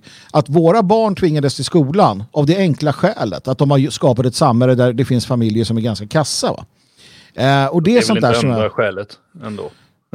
Nej, ett är att de ska gå i socialdemokratisk skola. Alltså de ska Jo, inte få vara hemskolade. Ett annat ganska kraftigt skäl är ju också att eh, vi har ju väldigt många splittrade familjer i Sverige, vilket gör att skulle barnen vara hemma så skulle ju väldigt många mammor vara tvungna att vara hemma och väldigt många av de här mammorna jobbar i vården. Så att det hade blivit väldigt svårt att, att hålla igång en vård också. Vi, vi har ju skapat ett samhälle där, där man inte kan ha en förälder hemma för att det finns bara en förälder. Och då kan man säga att eh, i Tyskland, där man då ändå har en typ av sambeskattning och det är vanligare att man har liksom, att man stannar hemma under dagisåldern och sådär, eh, än vad det är i Sverige, eh, så har ju det där inneburit stora problem att skolorna stängdes. För att eh, i, eh, I Sverige har du åtminstone, då kanske man hade kunnat lösa det med vab på något sätt. Eller sådär. I Sverige har du väl 120 dagar per förälder, tror jag, där, vab-dagar per år. I Tyskland har du 10. Fast det har ju inte funkat i Sverige heller för att vab har ju bara gällt när eh, barnen är sjuka. Så är barnen hemma av en annan anledning. Ja, men jag menar om man hade stängt skolorna så kanske man hade löst det med vab. Alltså att då hade du fått ta vab under den tiden. För att Jag tror inte man hade gjort det. Så har man ju inte gjort med människor som är i riskgruppen som man har sagt att du ska inte gå och jobba. Nej, nej, man men, har ju om, inte ja, fått... nej, men, om, du, om du tvingas vara hemma med dina barn så måste det lösas med någon typ av tillfällig föräldrapenning eller någonting. Åtminstone har man, men ska säga, det har man ju inte gjort i Tyskland. Utan folk har ju då fått stanna hemma, försökt jobba hemifrån samtidigt som kanske ja, i bästa fall kanske har tre, fyra barn att ta hand om. Ehm, då menar jag i bästa fall som att det är bra att ha många barn, inte för att det blir lättare. Ehm, och jag har ju pratat med många föräldrar här och det har, varit, alltså det har ju varit riktigt jäkla kaos eh, att få det här att fungera. Och dessutom att kunna, för de ska ju ändå gå i skolan men hemifrån. Så du ska hemskola dina barn, men du ska också jobba heltid för din, din eh, arbetsgivare är fortfarande att du ska lä lämna in den där rapporten och göra det där och det där. Eh, så du har jobbat hemifrån och eh, hemskolat dina barn, vilket gör att många barn har hamnat efter i skolan nu. Eh, och Det här kommer ju få andra konsekvenser framöver. Vi kommer ju säkert prata om den här generationen barn som coronabarnen. Vet, alltså Oh ja, oh ja, och det har vi ju sagt att just eh, alltså effekterna på alltså effekterna inom människor kommer sitta i länge och det, det kommer ju vara långt mycket mer påtagligt och, och, och vi kommer få se dem flera år. Så att det, det är ju intressant i sig det också. Men vi ser ju att samhället, den, den typ av samhälle vi har, klarar inte av den här typen av eh, eh, kriser. Det gör inte det. Det gamla agrara samhället hade klarat alldeles utmärkt. Eh, av andra skäl. Men idag, jag menar, som sagt, jag bara, när jag läste om den här, en köttfabrik i Tyskland, tusen pers smittade, tänkte jag, jobbar det tusen personer i en köttfabrik? Bara där sådär. Det slog slint i huvudet på mig. Vad fan är det för monster vi har skapat? Eh, så att, eh, nej, det, det, det funkar inte. Men, men man ser ju också hur de, hur de passar på nu. Och det, bland annat såg jag att experter, vad det nu var, eh, konstaterade att nästa pandemi kommer från köttindustrin. Så att nu har man börjat hänga ut nästa, så här, det här kommer hända och så. Eh, och vi kan ju bara gå på det också, det här eh, intressanta med att då eh, BLM-protester, inga problem. Protester mot covid, protester mot covid-inspärrning, problem enligt sjukvården. Det är politiserat rakt igenom. Så att man ska ta det med en nypa salt naturligtvis, men man ska också ta det med en nypa utav allvar. Tänka på att vara lite germansk, eh, avhållsam, så kommer det gå alldeles utomordentligt bra för er. Naturligtvis. Ja. Men återigen, jag tycker att det är lätt att prata om eh, så länge man... Alltså för när man hör alla de här människorna och, och antingen läser om det eller pratar med dem själv som liksom förlorar sin livsverk för att staten har förbjudit dem att arbeta. Och vad får de? Nu får man 300 euro per barn om man har varit hemma under den här tiden. De har varit hemma i tre månader och det är inte slut än. Nu börjar vissa skolor öppna och sådär. Eh, och liksom, livsverk förstörda, och så bara, nej för staten har sagt det. Du får ingen ersättning, får ingen, ingenting. I bästa fall kan du få en kredit, det har man varit i Sverige, kunna ta lån. Ehm, och, och, jag frågar mig fortfarande, ska vi ha ett samhälle där staten har rätt att liksom, införa näringsförbud, de facto näringsförbud, för normalt sett helt lagliga verksamheter som en hårfrisör? Eh, och förstöra ett, ett familjeföretag, eller ett bageri. Det ena bageriet här var från 1871. Det är liksom... Nej, men det är ju, jag menar, det, det är ju så. Och det har jag sagt från början, fast ganska tyst från början. Sen högre och högre. det är ju ändå så att Sverige har ju valt den bästa taktiken i Europa. Den har ju inte varit, ehm, alltså man har gjort misstag till exempel då med, med vården, äldrevården. Skulle man ha skött helt annorlunda, totalt annorlunda. Det är ju en katastrof. Men förutom det, eh, hur man har ehm, ändå inte stängt samhället helt och hållet utan man har uppmanat folk att eh, bete er för fan. Eh, sen är det ju vissa som inte kan bete sig och då har det blivit högre sjukantal där borta. Även, eh, jag vet inte, den enda jag känner som har drabbats allvarligt, som har eh, legat nedsövd och så, är ju en läkare. Det är svårt för den personen att hålla sig helt borta från, från andra sjuka så att säga. Men, men eh, eh, håller man bara ordentligt avstånd och liksom undviker människor, fan det mest naturliga, det man vill göra jämt. Ja, precis. Så, så, så, så löser det sig, så, kommer man ganska långt. Sen är det klart att eh, helt och hållet, men det är ju ett virus, det det går ju inte att eh, låsa in hela mänskligheten och tro att det bara ska försvinna då, för att hinna hela, förvisso, det kanske går, men då försvinner ju hela mänskligheten före viruset, för att alla bara dör för att de sitter inlåsta. Jag tycker vi har gjort det ganska bra i Sverige. Eh, sen om det är sossarnas eh, förtjänst eller om det snarare är att vi, vi har haft en lagstiftning som har gjort det omöjligt för oss att eh, eh, ta vissa av de här stegen. Vi kan inte låsa in människor därför att det går inte enligt svensk grundlag. Eh, det är väldigt svårt att stänga skolor. De var ju tvungna att eh, lagstifta om att ändra på det också och då hade det redan gått ganska lång tid och man börjar väl inse att fan, vi kanske inte behöver det här. Så att, så att mycket är väl lyckliga omständigheter. Men, men um, fan hålla på som Spanien och Italien och ja, Tyskland är väl också bara verkligen stänga in folk. Det, det, det är ingen hållbar lösning. Och jag, jag tror vi kommer se, just nu så skriker alla om dödssiffror och så här och det ser inte bra ut i Sverige jämfört med andra länder. Men jag, jag har inte sett slutet än. Jag tror vi måste nog eh, andas ut lite grann och vänta en liten stund och se vad som händer. För jag tror att om, när året är slut så är det nog inte speciellt många fler som har dött totalt i Sverige än i andra länder i förhållande till åldersgrupper och så vidare.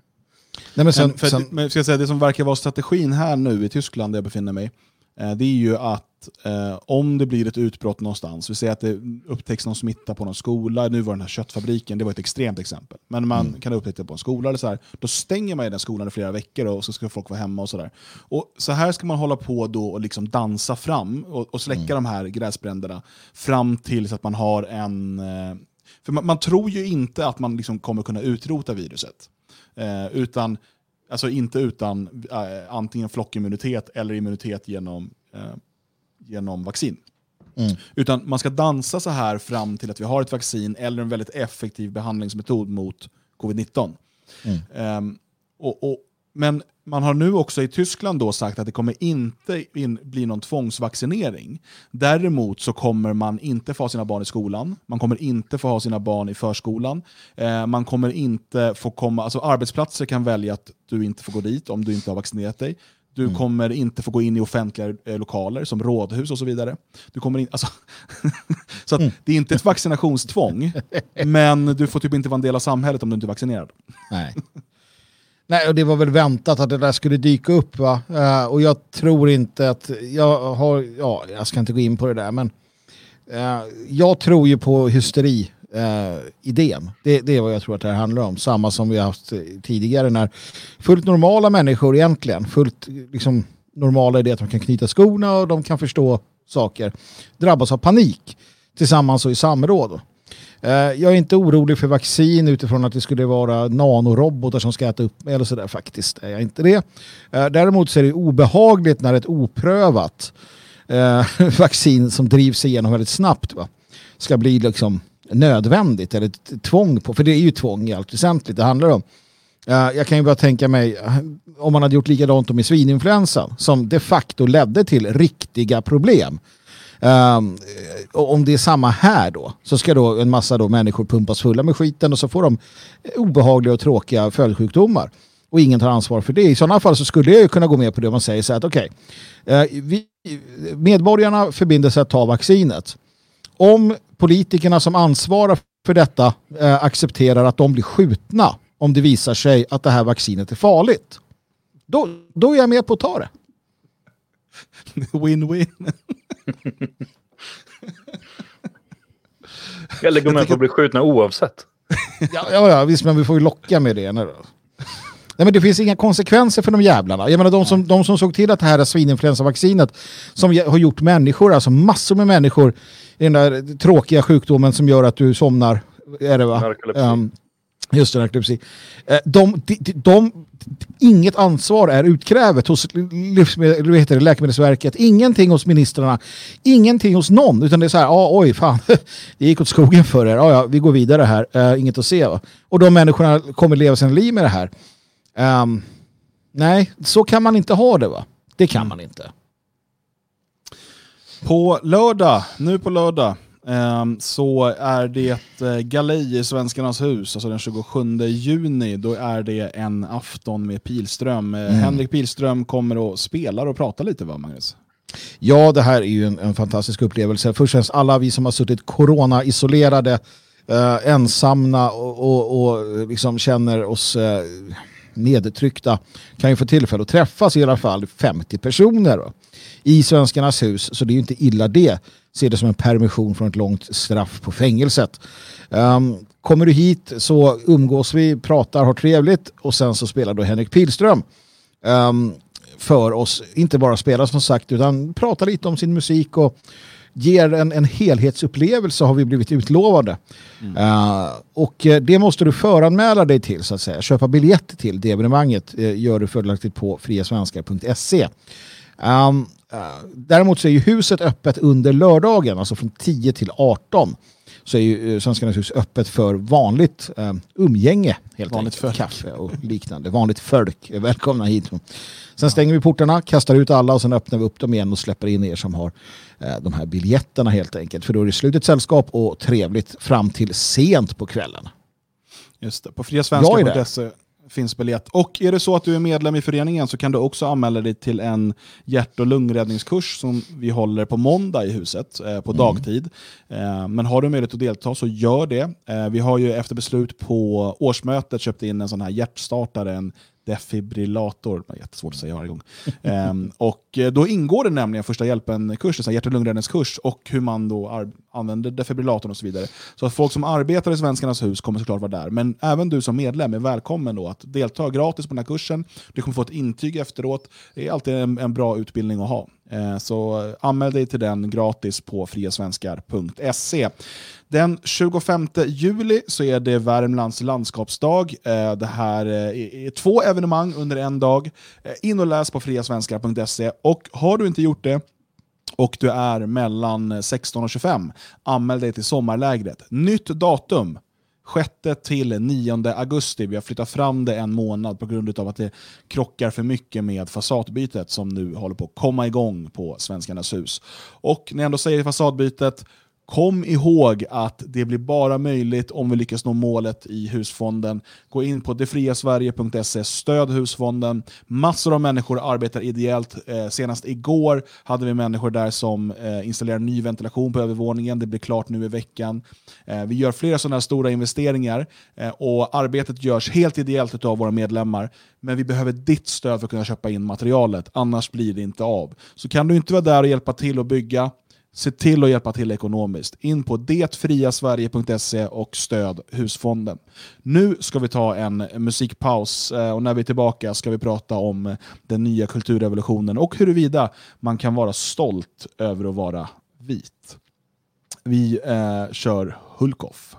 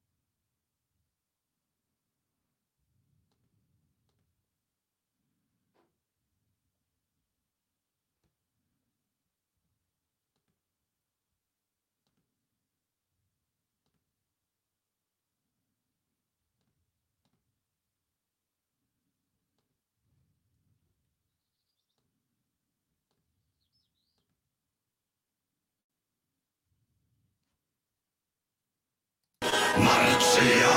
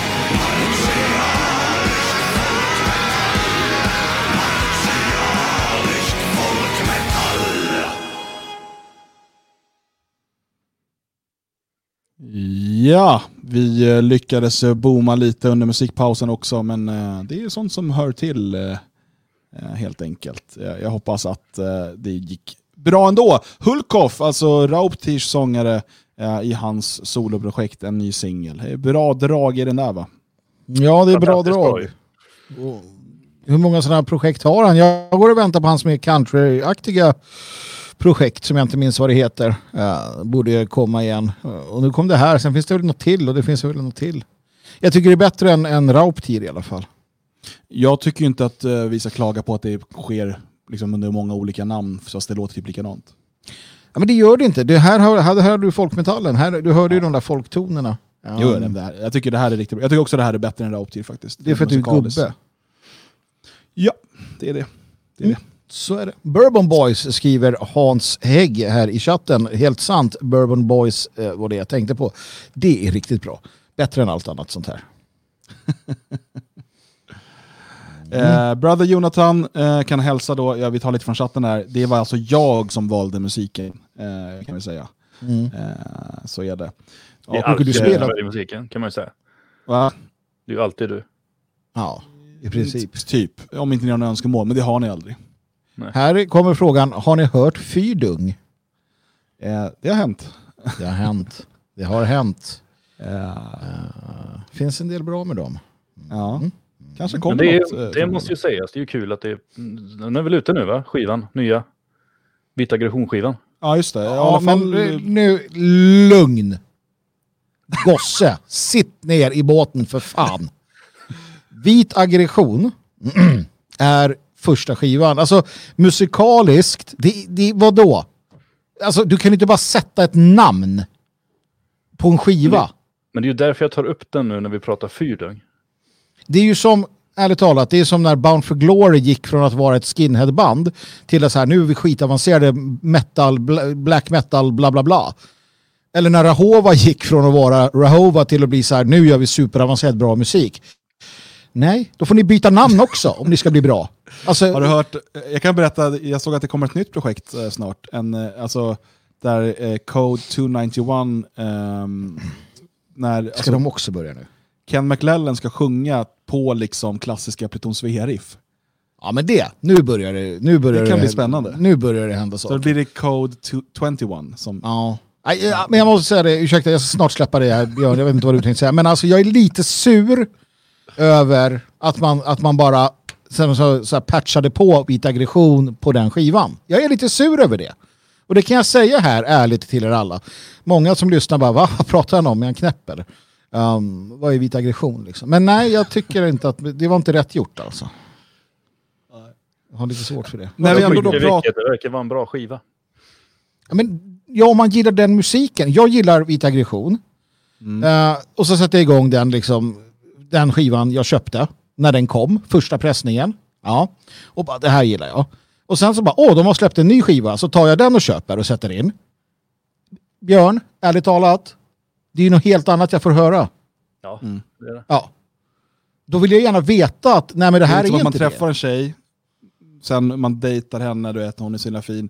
Och sen så tar man av kläderna sen när man har gift sig. Mm, mm. Och så är det något helt annat. Hon har liksom fuskat med massa sådär. Det, det, är det ungefär det du menar? Ja, det är lite det jag menar. Och, och jag tycker att eh, Det det är är... en annan tjej. Under Ja, men- kläderna är det en annan tjej. För Vita aggression första och andra skivan, det var väl bara sångaren kvar va? Ja. ja, det är möjligt. Jag vet inte vilka som är kvar. Ja. Och tredje sångare, alltså, du- du- du- eller första, första. skivan. Och sen andra gången de släppte låtar, då var det väl ingen skiva utan de var väl med på någon skiva. Mm, Fan mm. vilket sidospår det här blev. Men Nej, nej, det här och är en den perfekt... nya skivan. eh, och Det här är en kommer en ny perfekt... skiva och då, då är väl sångaren, han är väl kvar men han sjunger inte ens alla låtar tror jag. I, I den tredje skivan nu eller? Ja, den nya skivan. Okej, okej, okej, bra. Det här är en perfekt övergång. Midgård, skriv i chatten. Vi lyssnar. Ehm, så här. Eh, vi pratar då ändå om sånt som var populärt förr. Eh, och det är en perfekt övergång till att de håller på och river massa statyer och minnesmärken över sådana som var populära förr. Eh, helt enkelt. Eh, och eh, man pratar om det här som en typ av ny maoistisk kulturrevolution, för det är väl lite vad vi har på halsen. Vi, vi ser ju från USA, vi ser från Storbritannien och, och Belgien har vi sett. I Sverige har det mest varit, eh, det har mest känts som att det varit lite influencers som har velat få lite uppmärksamhet i media. Eh, för vi har inte sett några fysiska angrepp på statyer än vad jag vet. Eh, men, och det är inte första gången heller. Miljöpartiet har ju varit ute och, och, och svingat om det här att vi ska ta bort statyer i Kungsträdgården och så. Eh, men vi ser ju eh, i USA och Storbritannien framför allt hur man går på då allt ifrån Christopher Columbus till Thomas Jefferson till Churchill till Teddy Roosevelt. Till, alltså det, det är verkligen eh, allt som är äldre än 68 tror jag. Ja, men Winston Churchill, det var ju jättekul att de, att de gav sig på honom. Uh, och den här uh, i, var det Montreal, den här aboli, abolitionisten, den här uh, alltså slav, eh, alltså den här personen som alltså var, var slavmotståndare, aktiv slavmotståndare, gav man sig på och skändade. Uh, som sagt, George Washington, Slaverimotståndare. Just det, Det är en slav. viktig skillnad. Eh, och sen så George Washington själv då. Jag tycker det är, det är, det är intressant. Eh, och ganska upprörande på många sätt och vis. Man avtäckte ju Jo men och det är ju så, jag menar de, som nu, jag menar det kommer ju en dag när eh, folk kommer riva ner porträtt av uh, Ann Linde och eh, Alice Bah Kuhnke för att hon inte är tillräckligt svart eller tillräckligt eh, tycker tillräckligt rätt. Just nu tycker de precis rätt, men, men om tio år så tycker de ju helt fel. Jag menar Astrid Lindgren, den gamla antirasistkärringen som verkligen avskydde eh, nationalistiskt tänkande, även om hon skapade väldigt bra böcker, några stycken. Eh, hon är ju också avskydd nu för att hon använde vissa ord som var helt normala på den tiden. Mm. Så det, det är ju klart att de river statyer från de som har banat väg för dem. Ja, sen, sen måste jag säga också, jag vill bara ha det här sagt så att vi kan börja skälla på mig.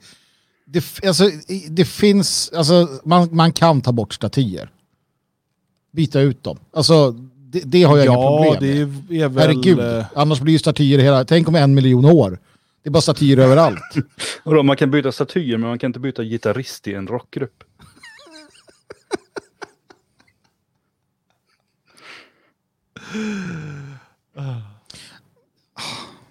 Nej, men alltså... Ja, i alla fall. Statyer. Ja. Eh, men det, det som är, alltså hela grejen med att man då eh, ska... Okej, så här. Är vi emot att riva statyer o- om det politiska eh, paradigmet har förändrats?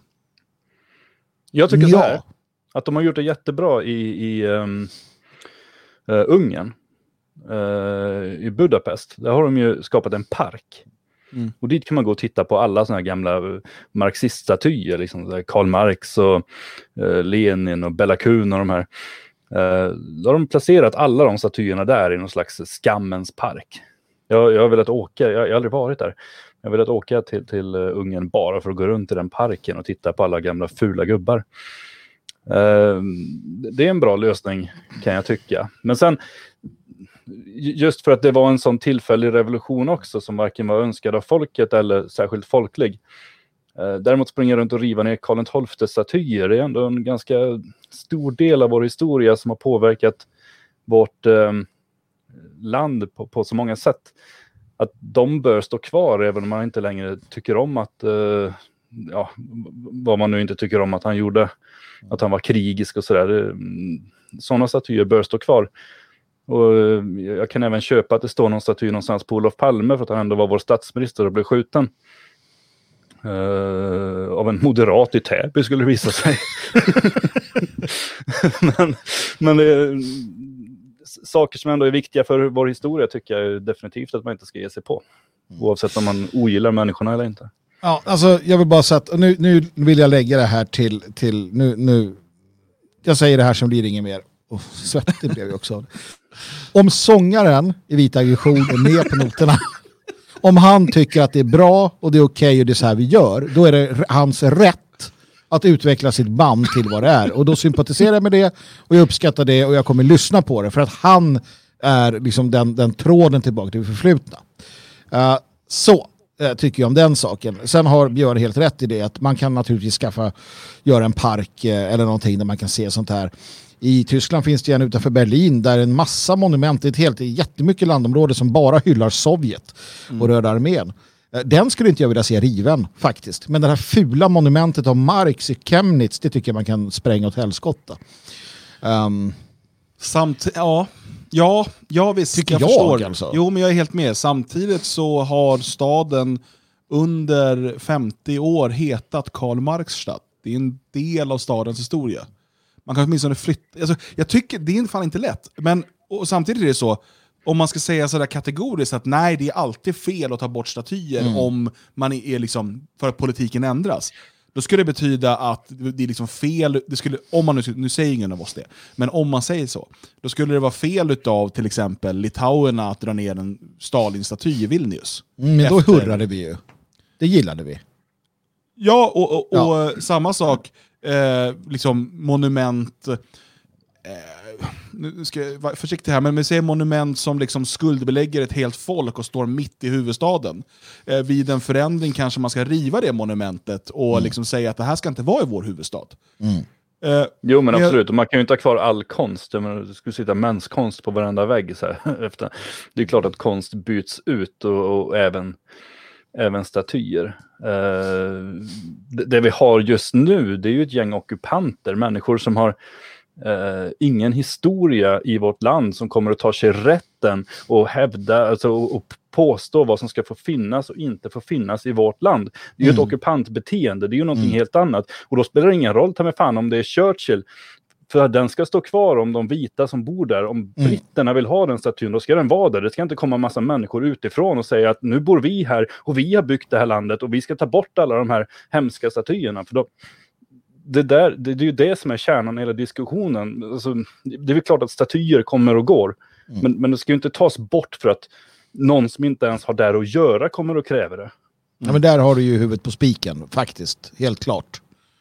Och sen måste man ju också se att eh, statyer, om vi säger då till exempel Karl XII, alltså det är en, det är en, alltså den statyn är en symbol för vårt folk verkligen. Alltså man måste ju också se att liksom den, den svenska monarkin där man eh, såg på, många såg på konungen som liksom utsedd av Gud.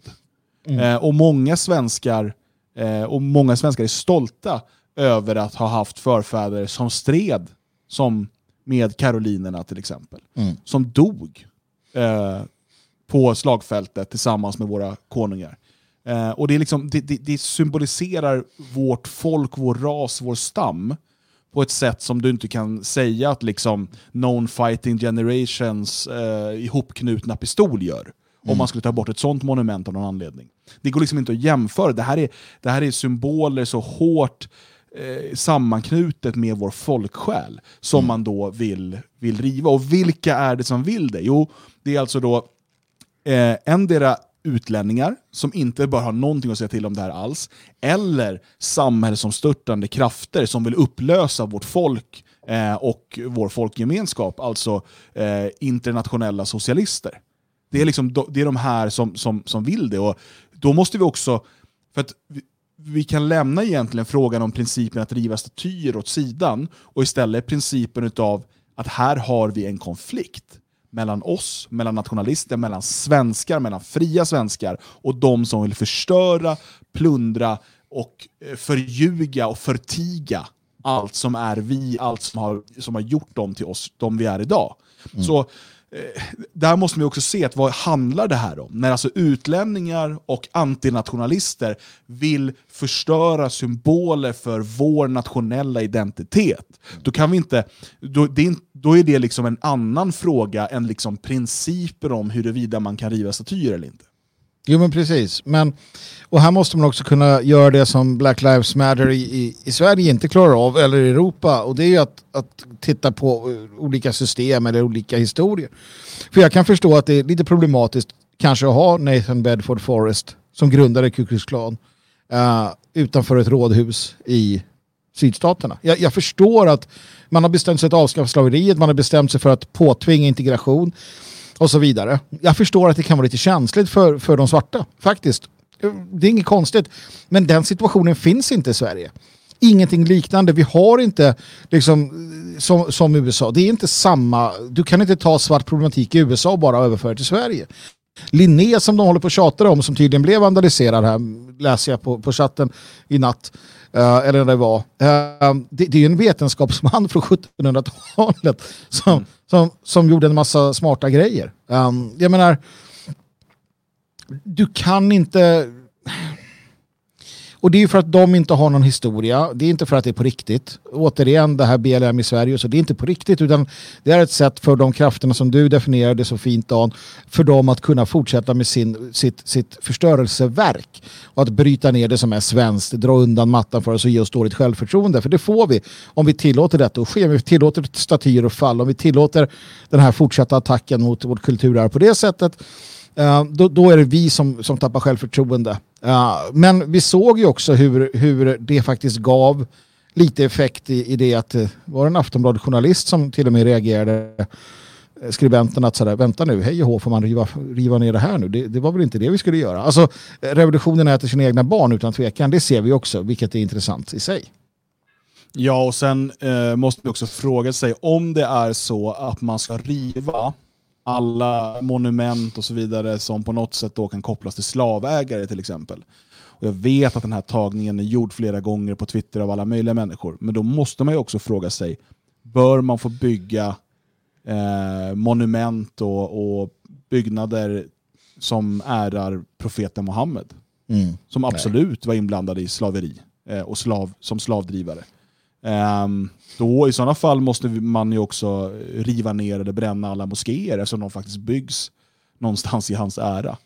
Uh, det kommer man såklart inte göra. Man har inte attackerat en enda moské. För vad det här egentligen handlar om, det är ju inte eh, Black Lives Matter eller att eh, någon svart skjuts av en polis. Vad det här handlar om är ju ett hat mot den vita civilisationen eh, och allt som vi har skapat och allt det som vi potentiellt kan skapa. Man skulle till och med kunna tala om avundsjuka, att det är det som driver många av de här människorna. Det är därför man attackerar allt som man ser som symbol, som en symbol för det vita fortskridandet, för vit samhällsutveckling. Vare sig det är Carl von Linné, eller om det är Thomas Jefferson, eller George Washington. Det spelar liksom ingen roll. Eller Winston Churchill för den delen. Mm. För, det, för de här människorna så är de här statyerna och de här monumenten de är symbol för det vita västerlandets framgångar. Och allt det måste slås sönder, för det riskerar, det riskerar att vara i vägen för det globalistiska projektet, det riskerar att stärka den nationella identiteten och allt sånt måste slås sönder. Det är därför man under kommunismen gjorde vad man kunde för att stänga kyrkor, det är därför man förbjöd folk att sjunga på sitt eget modersmål, det är därför man förbjöd gamla visor som sjöng om en tid innan den kommunistiska revolutionen. För att du ska inte få tänka de tankarna, du ska inte få se de bilderna, du ska inte få sjunga de texterna. För då kommer du stärkas och förstå att du är mer än en producent och konsument i ett evighetshjul där du bara ska vara en del av en stor ny världsordning. Du är mycket, mycket mer än så. Och det är det som det här är ett krig emot. Det är idén om folket, om stammen, om identiteten, om gemenskapen, om människans sanna inneboende värde det är vad man för ett krig emot. Ja. Mm. Jo, men så är det ju. Svårare, svårare än så är det inte. Uh, det är väldigt enkelt egentligen och tyvärr ingenting som, som vi får läsa i etablissemangets medier därför att de um, sitter ju bara tysta och spelar med i det här jamset som, som BLM håller på med. Um, jag satt och funderade lite på, jag såg det var väl i vad är det, Norrköping eller något som man ville riva ner någon staty av. Vad heter han? De Geer, ursprungs... Uh, De Geeren. Ja, just det. Ja. Louis, precis. Uh, för, för, att han hade handlat med slavar då. Han har ju även då byggt uh, stora industrier i Sverige och eh, försåg väldigt många människor med jobb och var med och skapade det, eh, alltså industrisamhället i Sverige. Eh, men han handlar då även med slavar, eh, har det visat sig och därför så ska det, eh, hans staty rivas ner tycker man. Ehm, och, och då måste man ändå fundera någonstans, här, liksom, han handlade med slavar. Det var ju en handelsvara på den tiden, men vem köpte han dem av? Var kom slavarna ifrån? Det, det låter väldigt gärna, och jag har sett till exempel Feministiskt initiativ skriva om det tidigare, om hur svenskar åkte iväg och tog slavar. Det togs inga slavar, man köpte slavar. Det var ju svarta som tog andra svarta som slavar och sålde till bland annat vita. Ehm, så- att på så sätt, ur den tidens moral, så det stora felet gjordes ju av andra svarta som tog, skapade slavar av fria människor. De eh, vita, somliga av dem och, och en del judar och en del araber och andra handlade sen med dem. Handelsvaran, men det var inte de som skapade handelsvaran. Och jag tror att många av de här slavarna fick det betydligt bättre när de hamnade i Amerika än vad de hade fått det om de hade hamnat i arabvärlden eller varit kvar i Afrika. Ja, Ehm. alltså, jag bara säger det, hur fin är inte slutscenen i Mel Gibsons film om Eh, de här eh, azteken eller vad det är eh, som håller på där och ska hugga hjärtat ur varandra och glider runt i, i djungeln och sen så ser man sista scenen där hur de filmar och så ser man de här tre fartygen komma va, med stora kors på.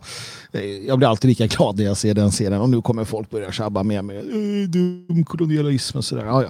Men det får ni tycka vad ni vill om. Jag är inte katolik i alla fall, men jag tycker om slutscenen där för att det går från det ena till det andra. Det visar de två civilisationerna ganska tydligt. Uh, nej men så, så är det ju helt klart som du säger Björn. Och problemet ligger ju i att vi sitter här och är så jävla... Uh, vi diskuterar och resonerar och jag förstår att Forrest-statyn kan vara jobbig och du förstår det Dan och du det Björn. För vi är sådana och vi resonerar kring det här. Och det är därför vi också som opposition tenderar att vara tvåa på bollen. Va? För att de säger skit i sanning, skit i rättvisa, skit i allt. Ljug om det behövs, förstör på, på, på. Säger någon emot, ge dem en smäll. Uh, vi pratar till primitiva idioter, det är vad de liksom själva har bestämt sig för. De vet vilka de har som publik. Visst, vi har en publik som är lite mer intelligent. Problemet är att få nå ut till de här dumma massorna, om det är nu det man vill. Ja, då går det ju inte att resonera och diskutera och, och problematisera som vi gör. Men, men vi gör det för att jag tror fortfarande att det är rätt väg i det långa, i det, lo, i det långa loppet. Uh, för att pöben är dum alltså. Den är riktigt dum och det här kommer inte sluta bra för dem. Jag, jag menar nu har de bytt de namn på Chas till Shop för att de skulle köra lite mer uh, franska revolutionen. Nej, det kommer inte bli så. Uh, den typen av strömningar, den typen av händelser tror jag är i det förgångna. Va? Det kan hända annat men det krävs och det kommer krävas ett, ett, visst, ett visst mått av intelligens här framöver också och då ligger de väldigt illa till. Uh, så vad de än gör så finns det uh, askor att resa, uh, eller as, en aska att resa sig ur utan tvekan. Och vi får inte bli dumma som dem helt enkelt. Vi får inte bli det. Mm. Nej, precis. Och ehm, Det här är ju någonting som vi också kommer få återkomma till. Alltså det här med att, att är det viktiga för oss att appellera till den stora massan eller ska vi svarva ut någonting annat? Vi har ju väldigt mycket tagit den, det senare alternativet och, och det finns ju goda anledningar till det. Men jag skulle vilja lyfta här nu till att prata om det som också är titeln på det här avsnittet. Eh, för att jag skrev ett inlägg på, på Twitter där jag skrev att jag skäms inte, jag går inte ner på knä, jag ber inte om ursäkt. Vi har utforskat jorden, haven, bergen och vi utforskar nu universum. Vi har skapat fantastisk musik, konst och arkitektur. Vi har skrivit otroliga berättelser. Vi är skapelsens krona. Jag älskar att vara vit. Um, och Det här är ju skrivet i en kontext med anledning av allt som händer nu såklart med Black Lives Matter och man kräver att vita ska gå ner på knä och be om ursäkt och, och, och, liksom, och så vidare. Um, det intressanta med det här tycker jag har varit responsen. Och inte så mycket responsen ifrån, eh, jag skulle kalla det politiska motståndare. Alltså de som är anhängare av Black Lives Matter. Jag kan ju tycka att det är lite mm, hyckleri att säga att vita kan ha kollektiv skuld men inte känna vit, kollektiv stolthet över någonting. Eh, kan du också tycka att det är intressant hur många som har svarat med “men åh, araberna gjorde ju det här” eller “kineserna gjorde det här”. För läs mitt inlägg en gång till. Jag säger ingenstans att det inte finns några andra som har skapat någonting. Eller att inga andra folk eller raser har utforskat någonting. Ingenstans påstår jag det. Jag berättar bara hur stolt jag är över det som min ras åstadkommit. Och det är ju det som är så provocerande. Och det är alltid det som är provocerande. Och det är därför också de kopplar ur, eller här ser man den här Pavlovska, eh, hur man har dresserats till att, att känna vit skuld. Jag menar, det här att, att, att det är det man håller på att försöka få det till, det är ju inte sant. Den finns redan där. Man ser i, i, det du, i, i reaktionerna att det är det man direkt hoppar till när du skriver att jag är stolt över det här. Ja men eh, det här, de här och de här och de här. Och, du påpekar det igen, att jag men, läs vad jag skriver. Jag, jag pratar inte om andra, jag pratar om oss själva. Och det kan man inte ta för att det har blivit så att vit, eh, vit, eh, vitt självförtroende eller att, att du är stolt över att vara vit, europeisk, det är rasism. Punkt slut. Ja, och ehm, den ehm, tredje vanligaste invändningen var att jag var ful. Den- Tjock. ja. Det ligger ju Eh, något i det. Egentligen rosa, inte vit och sådär. Men om vi lämnar de sakerna åt sidan, eh, så är ju eh, det här som kommer då från många människor som, jag kollar in deras profiler, de är typ Sverigedemokrater. Invandringskritiker, eh, kontrajihadister, vad de, de kallar sig massa saker. Eh, realister, sanningssökare och så vidare.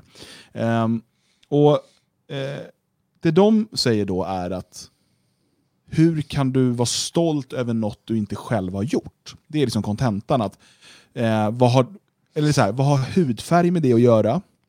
Ehm, det är bara en slump att du föddes som vit, den här har vi fått höra några gånger. Och eh, det här, just det här, hur, vad, har, vad, vad har du gjort? Hur kan du vara stolt över, man kan inte vara stolt över något som inte du har gjort. Alltså du som individ måste ha gjort det, annars kan du liksom inte vara stolt över någonting.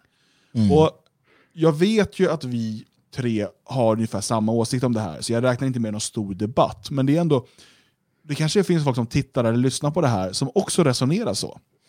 Och därför behöver vi ta upp den här frågan. För att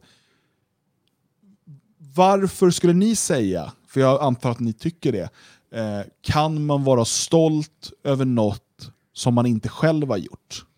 Hur kan man vara stolt över det som andra vita har åstadkommit eller genomfört, fast man inte själv har gjort det?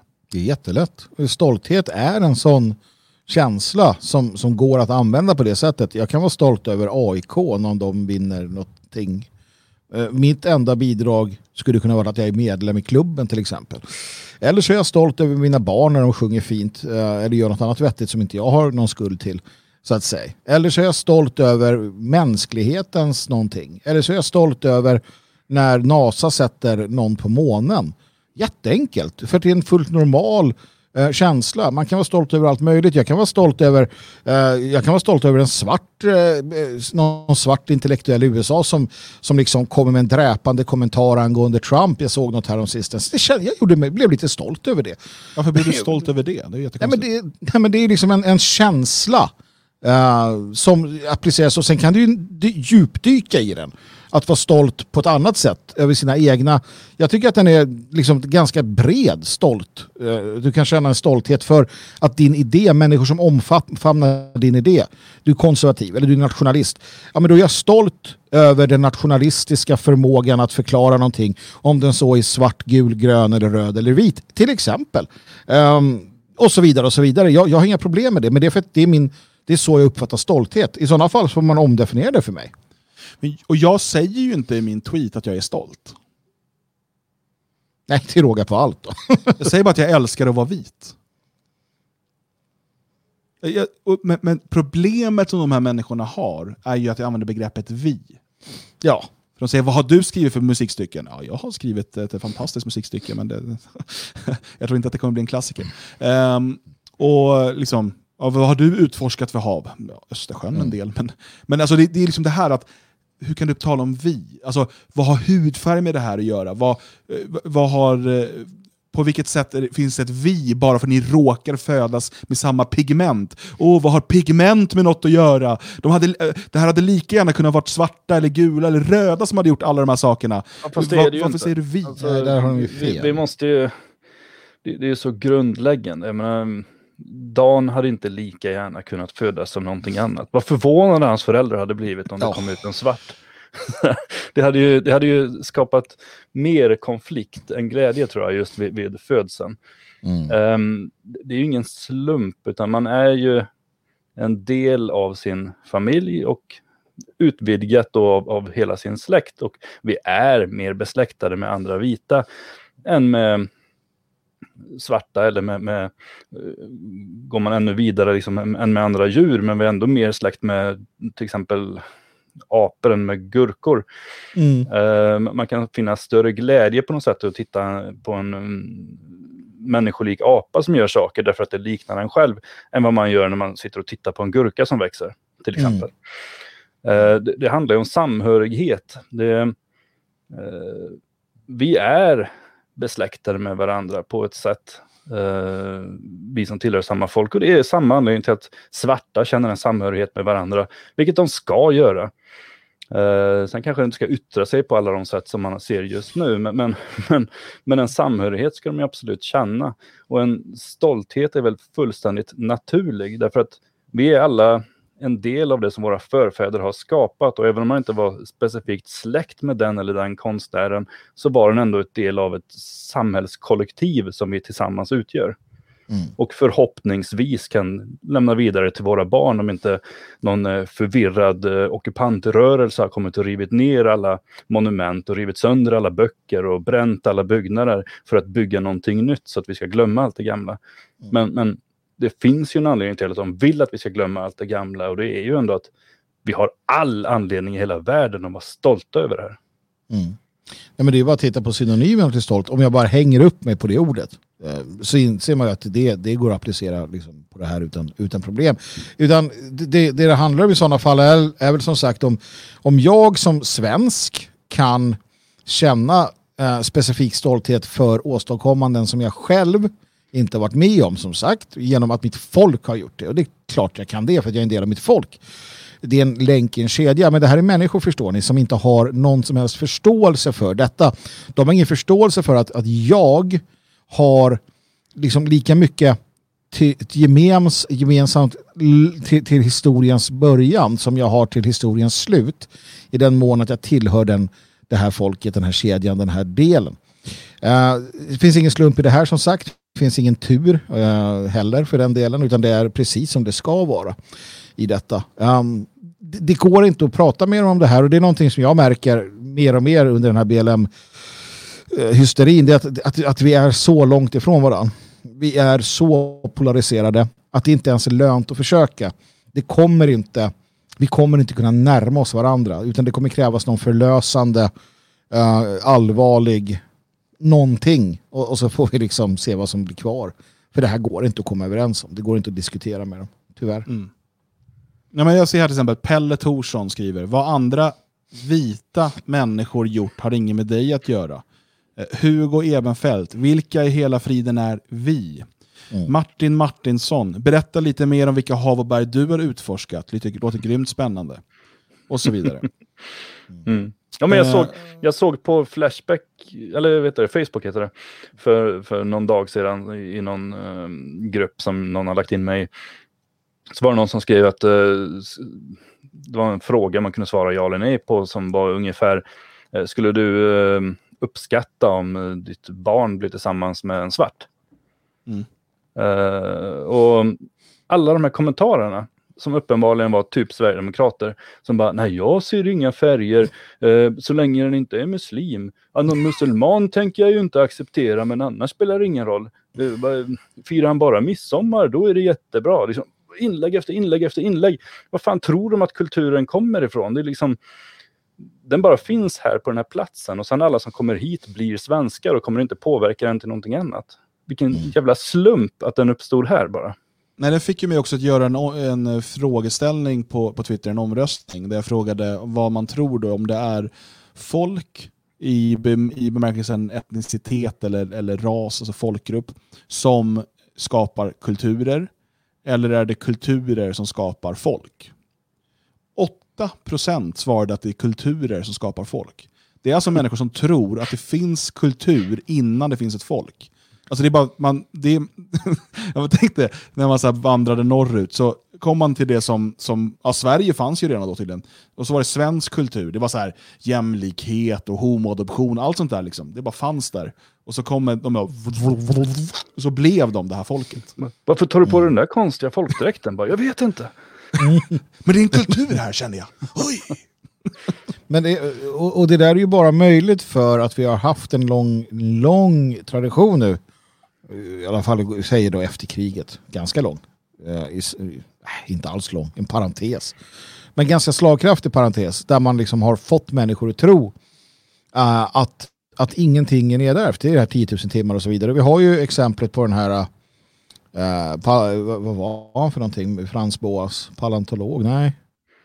Ah, ja, men som i princip hävdar att ras, alltså hårtextur och ansiktsform och sånt berodde på, på eh, miljö. Det var en teori som lanserades. Så att, nej, men du, du blir alltså, alltså det är den extrema formen av tabula rasa. Att du föds en fyrkantig grej. Och sen Nej, kan den inte bli föds, svart. utan det, det blir redan i, alltså det, miljön påverkar redan i fosterstadiet. Ja, ja men precis, precis. Redan där så, så påverkar miljön så att du blir då svart eller gul. Eller, och av någon anledning så brukar det alltid stämma överens med mamman och pappan. Men det är egentligen inte där det sitter. Och, och Nej, det är människor som på riktigt då- tror det. Liksom. Ja, men det, har, det är också den här rasifierinsteorin, då, att de, de blir ju då behandlade som svarta och då påverkas foster, eh, fostret. Till Men om det är så jävla farligt och hemskt att vara svart så borde ju naturens lagar i darwinismens spår sådär, nej men då tvinga barnen att födas vita så den där svarta familjen så bara, fan också det blev en arier igen. Men det är ju de här som det går bäst för. Ja, ja, okej. Så bara, fan också, kommer det till en till arier här? Men så funkar det ju inte. Utan det är så här, usch, nu kommer vi föda till barn som allt kommer gå åt helvete för. Och Dar- Darwin sa bara, ja men det var så i det här fallet. Inga andra, men här. Ja. Men det är ju, det är ju skrämmande när dumhet, vidskeplighet och annat sånt här liksom få grepp om, om hela folk. I det, här fallet, vår, I det här fallet vårt folk. Svarta är inte så här, gula är inte så här. Vi är så här. Um, men om du säger till en svart, han skulle vara dumhuvud. Cracker, ja, liksom, vadå herreras? Ni är ju uppenbart efterblivna. Mm. Nej, men vad, vad det handlar om är, alltså människor är ju också helt förstörda utav individualismen i den meningen, alltså, i- i någon typ av liberalism. Eh, där man, dels det här tabula rasa-tänket eh, och dels hela idén om att vi måste se alla bara som individer. Och liksom, är det en schysst individ så är det en schysst individ och då kan den vara en del av liksom vår gemenskap, då är den en del av vårt folk. Och på något sätt att folk utgörs då av människor som delar värdegrund. Eh, och den här värdegrunden då förändras hela tiden eh, dessutom, vilket gör det jättejobbigt att hålla ihop det här folket. Eh, men och, och det, den här idén eh, är väldigt, den är förhärskande hos de flesta svenskar. Eh, Men problemet är att, eller problemet, problemet är att idén är fel i grunden. Men ett ytterligare problem är att andra folk, icke-vita folk, ser inte alls så här. De ser ras på ett helt annat sätt. Vilket vi inte minst nu ser med liksom det, det, det totala antivita hatet i BLM-demonstrationerna. Eh, och, och hur man liksom singlar ut vita offer gång på gång på gatan och har gjort det i årtionden, för att inte säga århundraden, där vi har levt tillsammans. Man, man, man har sett ras väldigt, väldigt tydligt. Vi vita har också sett ras. Fram tills någonting händer här, eh, framförallt efter att Europa förlorar andra världskriget och 1968s idéer slår igenom så händer någonting. Och, och, och precis som vi brukar, brukar återkomma till vår kära KGB-agents intervjun. Eh, han säger det, du behöver en, två generationer som går igenom det här skolsystemet, som hjärntvättas med de här idéerna. Sen kommer det bli en sanning i hela samhället. Och det är där vi är nu. 68-idéerna har slagit igenom, kulturmarxismen är grunden i skolan. Och nu, nu genomsyrar det hela samhället. Det sitter en del äldre stötar fortfarande och så här, oh, nej, men det här är ju lite konstigt. Men de är lite för trötta, de orkar inte. Eh, och så sitter vi en del andra som liksom har valt att vända det samhället ryggen och, och söka information någon annanstans och försöker peka på och skrika att det här är galenskaper, det här är galenskaper. Men eh, ibland är det som att så skrika in i en vägg tycker jag. Men man får ju se det som, tycker jag, att, att det är som det är. Jag menar, någonting vi har gjort med det fria Sverige och i, i vår politiska gärning, det är att till sist komma till den punkten att okej, nu är det så här. Då får vi, då får vi hantera det. Vi kan, vi kan eh, någonstans drömma om hur det borde ha varit, och så, men det är som det är. Och det är så här. Det här hatet fortsätter. Det kommer, det kommer fortsätta bli värre. Våra egna barn, eh, era barn, eh, vita barn kommer utsättas för detta extremt mycket mer.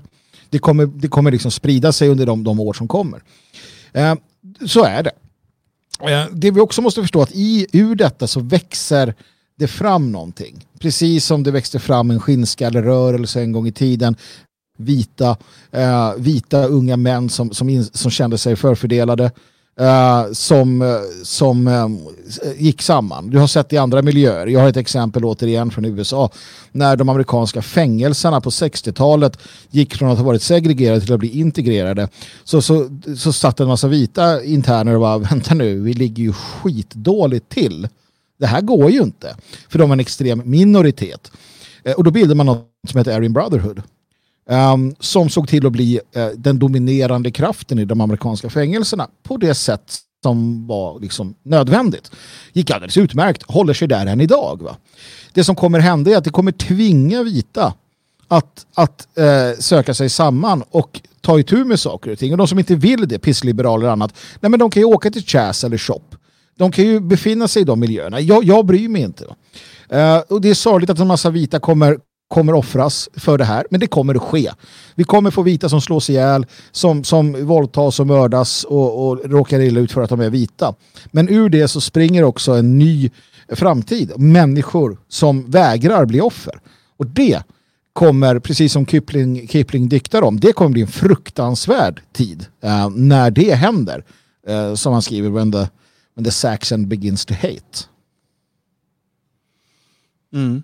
Ja, jag menar de där, eh,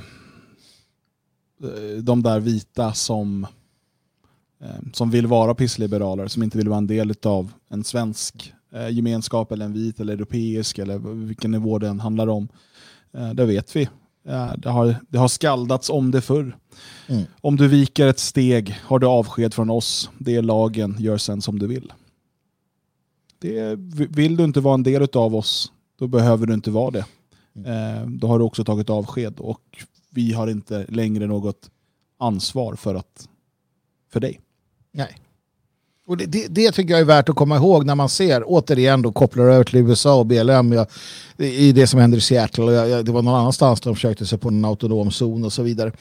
Det är i liberala delstater i liberala städer.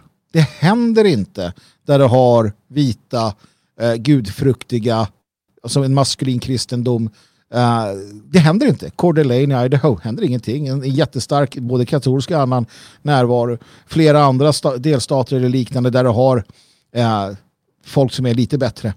Händer ingenting. Det är klart att det inte det är ingen jävel som kommer och försöker plundra när halva befolkningen siktar på det med AR-15 och bumperstock. Liksom. Um, så att när USA brinner så brinner det på de platser där folk har bett om det. Och det är jättesorgligt att vita barn uh, råkar illa ut i detta för att deras föräldrar är som de är. Och det, det är den sorg man kan ta med sig. Men att deras föräldrar eller andra jonjävlar som har bott i New York och röstat liberalt i 30 år. Varför skulle jag bry mig om de går ut och blir mördade? Ärligt talat. Nej, jag kan känna stolthet för mitt folk men det är inte alltid jag kan känna eh, sympati eller medkänsla för de där jonen. Eh, de får vad de förtjänar. Jag skiter i vilket ärligt talat. Har du röstat på en demokratisk galen eh, borgmästare i alla år och stått där så, äh, vapenfri zon, eh, död åt religion, mycket aborter, bla bla bla. Ja men om det kommer då någon sån här krigsherre från shop och skjuter dig, då kan jag ju slå klackarna i taket då. Mm. Ja men de får ju vad de vill. Det är ju det de vill. Sen att de inte fattar det, det är en annan sak. Mm. Ja, nej, jag håller helt med. Jag tror vi får eh, utveckla det där vidare i eh, kommande program. Eh, vi sänder ju varje måndag kväll sänder vi direkt och nästa gång blir då den 29 juni. Eh, och du kan enkelt följa direktsändningarna på Youtube eh, genom att prenumerera på Radio Svegots Youtube-kanal. Vi har ju alltså en, en ny eh, Youtube-kanal, så se till att prenumerera på den. Um, nu ska Björn berätta lite om vad vi ska göra under nästa vecka, uh, eller under den här veckan. Så um, tack för att ni har lyssnat och uh, här får ni Björn Björkqvist. Det är ingen större mening idag. Jag vet ju inte ens om jag laggar massor. Jag rör på munnen men det kommer inga ljud och tvärtom. Det är obehagligt att titta på för de som tittar. De som lyssnar i efterhand förstår inte alls vad jag pysslar med just nu. Eh, nästa vecka ska vi... Eh, jag vet inte. Jag har inget schema framför mig vad, vad, vad, vad som händer. Det är sådana sändningar. Varje morgon sitter någon eh, mansperson och eh, pratar. Eh, ett morgonprogram med Svegot. Titta på det, lyssna på det, titta på det. Eh, sen eh, jag lyssnar inte så uppmärksamt på vad de pratar om här förut. Det, till helgen var det något eh, väldigt spännande. Jo, det var någon musik, eh, Pilström. Betala och gå dit. Och sen på måndag så kan man eh, starta hjärtan. Det är också fantastiskt roligt. Eh, så att man kan andas, för det har folk bekymmer med nu för tiden. Och med det så eh, önskar jag er en trevlig fortsatt vecka och eh, nu Ludvig kan du stänga av.